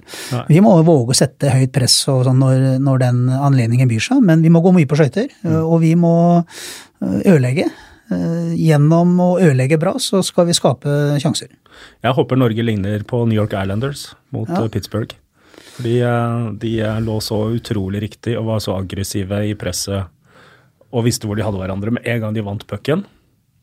Det var en fryd å se på, selv for meg som er Pittsburgh-fan. Jeg jeg syns vi har noe på gang. Jeg syns det har vært, uh, uh, vært positiv beskjed i både de kampene mot uh, Sverige og så med, mot Finland, og nå et steg til videre nå mot Danmark. Og så, så er det klart så er vi avhengig av godt målvaktspill, som alltid. Vi er avhengig av det som har vært Norges suksessformel gjennom mer eller mindre alle åra vi har vært tilbake i AVM, det er jo et godt defensivt spill, og at du må ha litt flyt i powerplay og sånn. Mm. Det må moro. De, eh, de, fire første matchene, hva vil du ha med deg ut eh, av det? Jeg spør meg, så vil ha med oss eh, en god prestasjon. Ja, at vi For vi kan gjøre en Vi kan gjøre faktisk en god, brukbar figur, vi i den første kampene, og så kan det se, kan det se stygt ut allikevel på, oppå tavla. Men at vi er klar over det, det kommer vi til å prate litt gjennom òg. Ikke for at vi skal ikke planlegge at vi skal få det tøft i starten, men igjen, det lønner seg å være realistisk. Uh, realistisk sett så vet vi at det skal bli vanskelig å få poeng. Uh, spesielt de tre første, kanskje. Og, men, men kan vi gå ut på der og spille som et lag, og at vi setter en ære å gjøre et eh, godt spill eh, uten puck og være stolte å gjøre det vanskelig for motstanderne og ødelegge for dem. Og så vil vi få muligheten, vet du. Det vil du. Og skal du møte de presentativt topplagene, så er det en fordel å møte dem ofte i starten av VM, hvor eh, de kommer inn litt på e skøyte og mm. er litt Ja, første uka er de litt sånn, vet du. Det drar seg til. Det, du, jeg har vært med såpass mange år at du, du merker en liten sånn, litt sånn forskjell når du går inn i andre uka. Mm. Mm. mm. Er, er det noen som du du kan trekke frem som har, uh, av de litt yngre som, som, er i ferd med å ta det steget som man, man trenger? For det har vært et vanskelig generas generasjonsskifte på landslaget. Det er fortsatt noen som, som henger igjen og er med mm. fra, fra, den, uh, fra, vår beste periode, um, hvor vi var um, og, og, kom til kvartfinale et par, par ganger. Men, men, hvem er det som er i ferd med å, med å ta de stegene som, som, vi er avhengig av for å fortsatt kunne kalle oss en annen nasjon. Mm. Nå var jo JJ, da. Han var jo med ganske tidlig som juniorspiller, og det var vel i, i Moskva, det var vel siste VM-et til Roy. Eh, der syns jeg han eh, framsto veldig bra. Hadde hatt to litt tøffe år i Frølunda-systemet og tilbake til Stavanger i fjor. Eh, vi håper jo at JJ skal vokse til kanskje litt den toveisbekken som Jonas Holøs har vært i mange år. Syns det ser ålreit ut. Jeg syns Johannes har fremstått ganske bra. Samme er det litt med Bull, som jeg syns hadde et godt VM i fjor. Nå kom Kåsastul inn sent pga. norgesmesterskap og finalespill og sen spilling. Jeg syns Kåsa var frisk nå mot, mot Danmark. Håper han kan fortsette der. Eh, på forward-sida så syns jeg Jakob Noer har eh, eh, bra ut. Sånn offensivt. Du ser at han har et potensial til å kunne bli en, en offensiv kraft også på et norsk A-landslag. Mulig at det VM-et her er ett år for tidlig. Har jo slitt litt med litt skader, både med en hjernerystelse og en ankelskade som han har hatt litt problemer med gjennom sesongen. Så jeg vet ikke helt om han får den muligheten til å kunne være med til det bitter end. Eh, men der ser jeg det er noe, eh, noe offensivt som, som Jakob Noer brått kan være en senter nummer to allerede kanskje til neste års VM. Han har noe på offensivt på internasjonalt nivå. Ja, det skuddet hans syns jeg er så internasjonalt. Det er bare den snerten ja. i skuddet. Eh, flink til å skyte litt dekka, skyte litt i halvsteget. Han er flink til å få pucken framover, opp i banen. God til å dekke puck. Så, så, Jakob eh, han har noe offensivt ved seg.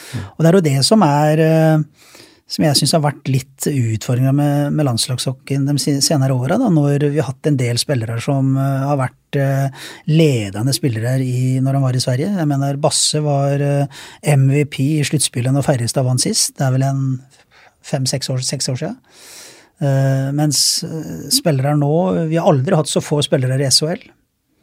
eh, på mange år. Eh, og Hage har vel spilt en, om ikke førstefiolin, så har han i hvert fall vært oppe i hierarkiet i Mora, men de rykker ned.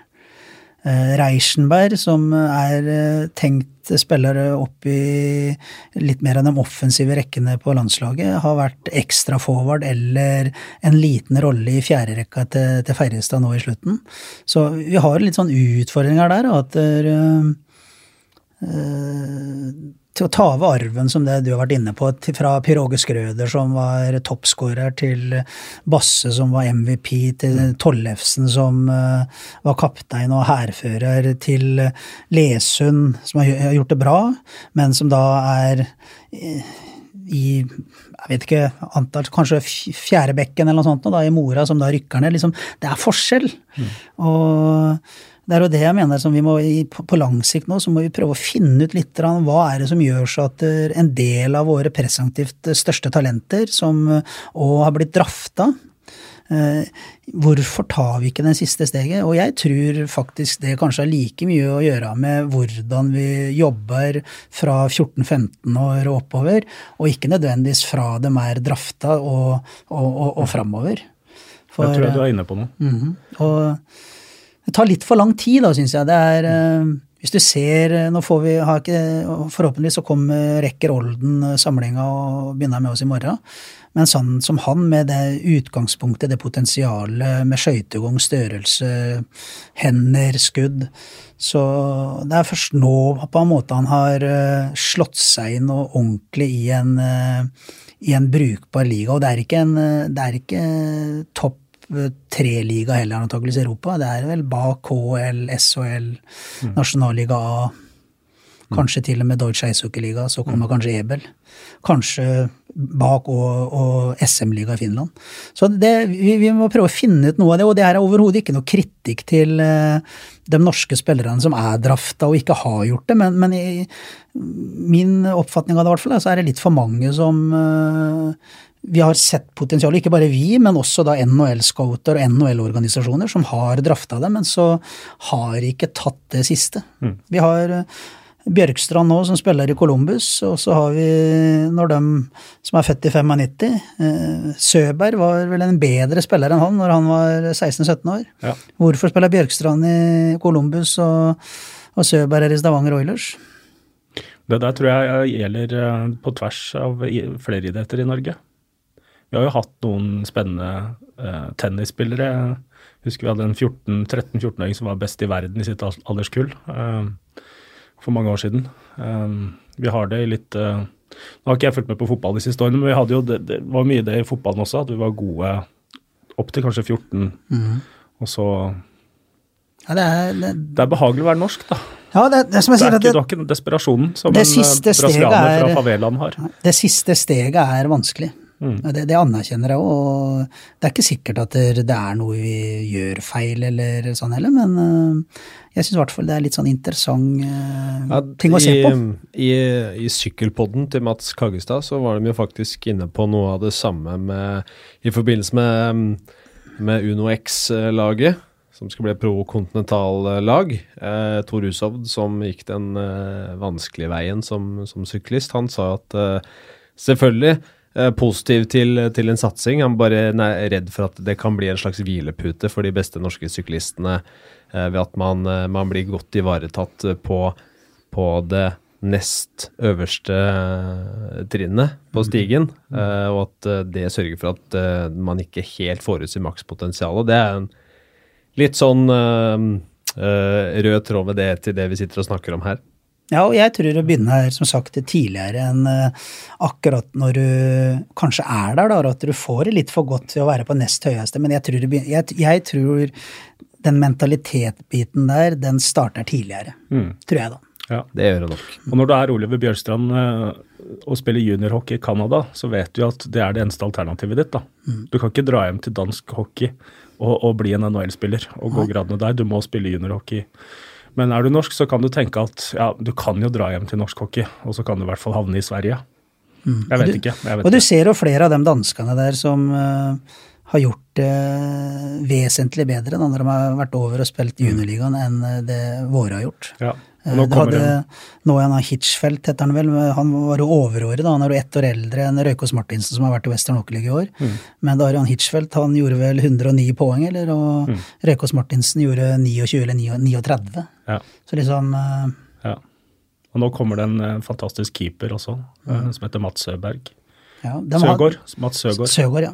Han spiller jo vel i samme ligaen i Vestland. Spiller sammen, sammen med Emilio i Denver, tror jeg. Okay. jeg. Lurer på det.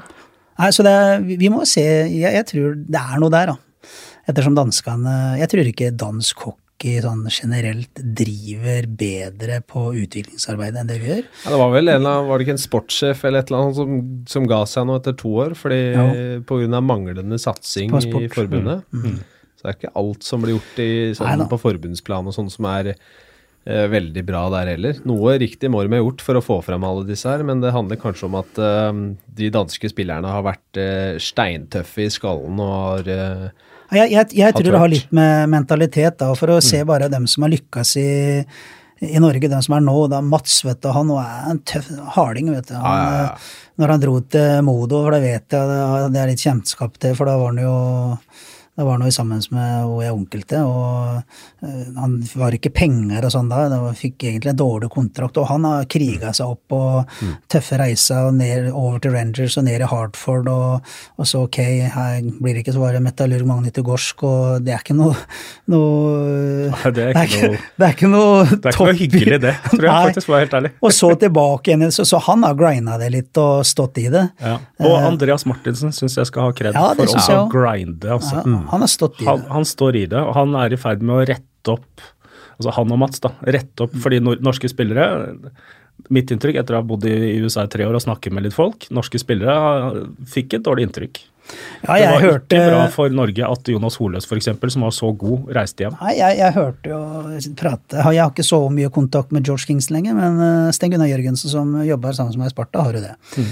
Og det har vært litt sånn at uh, Norwegian draft is a waste of draft, er ikke sant? Ja. Eh, og, det er jo, og jeg har forståelse for de guttene, egentlig. Jeg, altså, jeg, jeg har aldri vært over der og spilt, men eh, man har prata nok med hockeyspillere både her og i Sverige, hvordan AOL, å komme ned og være på kanten, toveiskontrakt og farte rundt omkring, kanskje du har med deg kjæresten over, og så spiller du en AOL-match, og så får du beskjed av treneren at eh, hei, du skal pakke, du skal på flyplassen og du skal møte laget der, og så er du helt i scratch i to matcher, og så er du tilbake til AOL, og så gjør, du- så gjør du det x antall ganger. Ja. Det er et tøft liv, vet du. Og spiller du AOL, så har du lange bussreiser altså, Ja. til kampene. Ja, det er et tøft- ikke noe hyggelig opplegg, det heller. Nei, det er et tøft liv. Og så har du et ekstra element som både Holøs og Zuccarello ble utsatt for.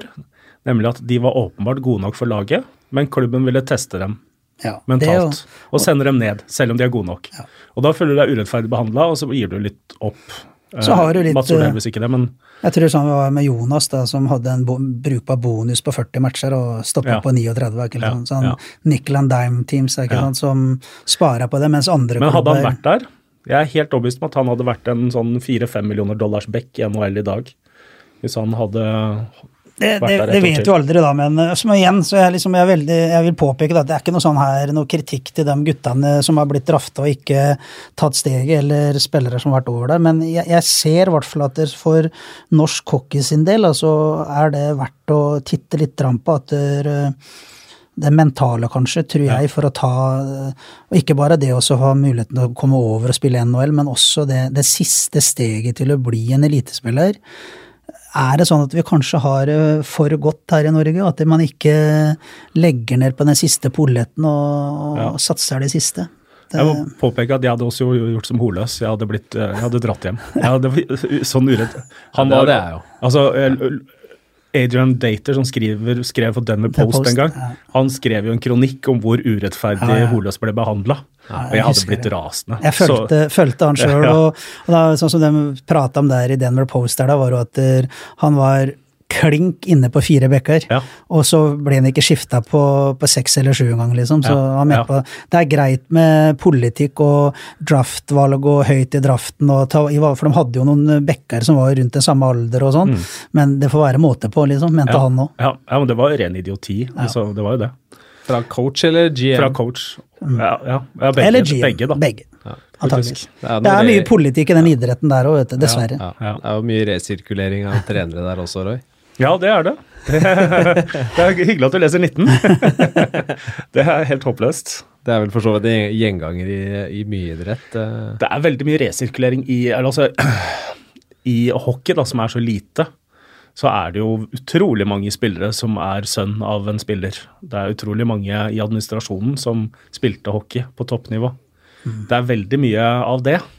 Men sånn tror jeg det er i mer eller mindre alle idretter, for det er liksom alle profesjoner. og det er det er jo litt, var det noen, En svensk eh, skijournalist han skrev litt om uh, den naturlige dopinga da, til norske skiløpere. At de kommer fra Sør-Trøndelag, Tr- Sør-Trøndelag, Trøndelag, Nord-Trøndelag. Ja? At det, ja. det er ski, barn av idrettsfolk, eh, barn av ski det, Vi blir jo Det har jo noe med talent å gjøre, antakeligvis òg. Ja. Jeg tror det er litt med saken å gjøre. Altså. Det Ja. er samme som det ellers i samfunnet. Barn av akademikere blir ofte akademikere. Barn av Ja, ja. håndverkere det, er, blir det, er håndverkere. det er jo naturlig at det er mye av det, men jeg, tror det er, eh, det er, jeg tror det er mer av det i hockey enn i noe annet. Ja, mulig. Eh, litt tilbake til hvor utilgjengelig det er, fordi du ser ikke pucken før du har sett noen sport. kamper. Vanskelig sport.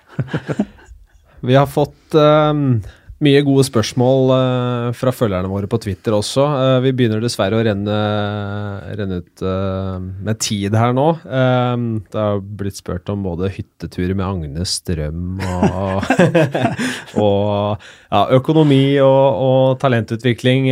Mye, mange gode spørsmål som vi for så vidt har toucha en del innom på. Jeg vil egentlig bare avslutte med, med Patrick Thoresen. Uh, Veit du hvordan det ser ut der? og hvor svekka vil vi være uten han? Først så ser jeg vel eh, Vi får teste ut i morgen nå. Nå kommer jeg til å gå på is i morgen og kjøre eh, på is eh, alene.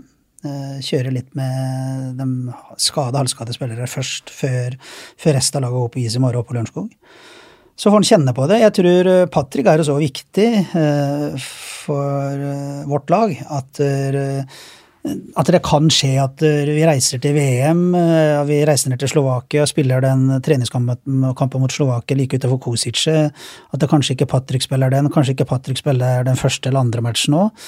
Så, så Patrick er en sånn type spiller at der, vi, han, han må vi vente på. Eh, Så tror jeg at får Patrick noen dager på is nå og kjørt ordentlig og kjenne på, på kroppen at det fungerer. Eh, For det må han, ha må få vært på is eh, og få isfølelsen og litt puckkjenning og sånn. Men eh, det er nok ikke noe alle får, det er ikke noe sånn at han må spille eh, noen av de første kampene heller. Det, det må ikke. Så jeg, jeg, jeg er positiv. kanskje eh, man ikke gjør det? Forsiktig, ja. Jeg er forsiktig optimist det at Patrick kommer til å, å være med og bidra for oss i, i VM. Det blir spennende. Jeg gleder meg til, til mesterskapet. Det regner jeg med du også gjør, eh, Sjur. Eh, Dere får ha masse lykke til. Takk. Det er alltid sånn litt sånn grugleder seg. Det er jo for det er det. Går Man har inn. press på seg. Ja, det er press. Det er, eh, sånn føler jeg det har vært siden jeg var med i VM første gangen i 94. Da spilla vi om nedrykk mot Storbritannia og venta fire dager før vi spilte en kamp nede i Bolzano. Så, eh, men eh, gleder oss mest. Eh, samtidig så vet jo vi alle at eh, det her er viktig for norsk hockey. At vi gjør en, eh, en bra figur, og at vi fortsatt er en A-nasjon. Det, det, det, det er viktig. Det er det. Det er det absolutt. Du får i hvert fall ha takk for at du tok turen inn hit, Sjur. Det var hyggelig å ha deg med igjen. Takk, takk. Alltid moro å være her. Lykke til. Ja, takk. Samme gjelder deg, Roy. Som alltid, veldig hyggelig å, å ha deg med. Hyggelig å være her. Um, Og takk til alle dere også som har uh, brukt all denne tida. Nå tror jeg vi nærmer oss en time og tre kvarter her, så det ble en eh, voldsom hockeyprat. Uh, det, men uh, det er veldig hyggelig at, eh, at dere henger med. Eh, tar gjerne imot tilbakemeldinger på, på episoden, og som nevnt så skal vi ha med Håkan Sødegren og Jørgen Lindgren fra norsk eh, topphockey i neste episode, så det er bare å øse inn med spørsmål også. Hvis dere har noen, så høres vi igjen om en drøy uke.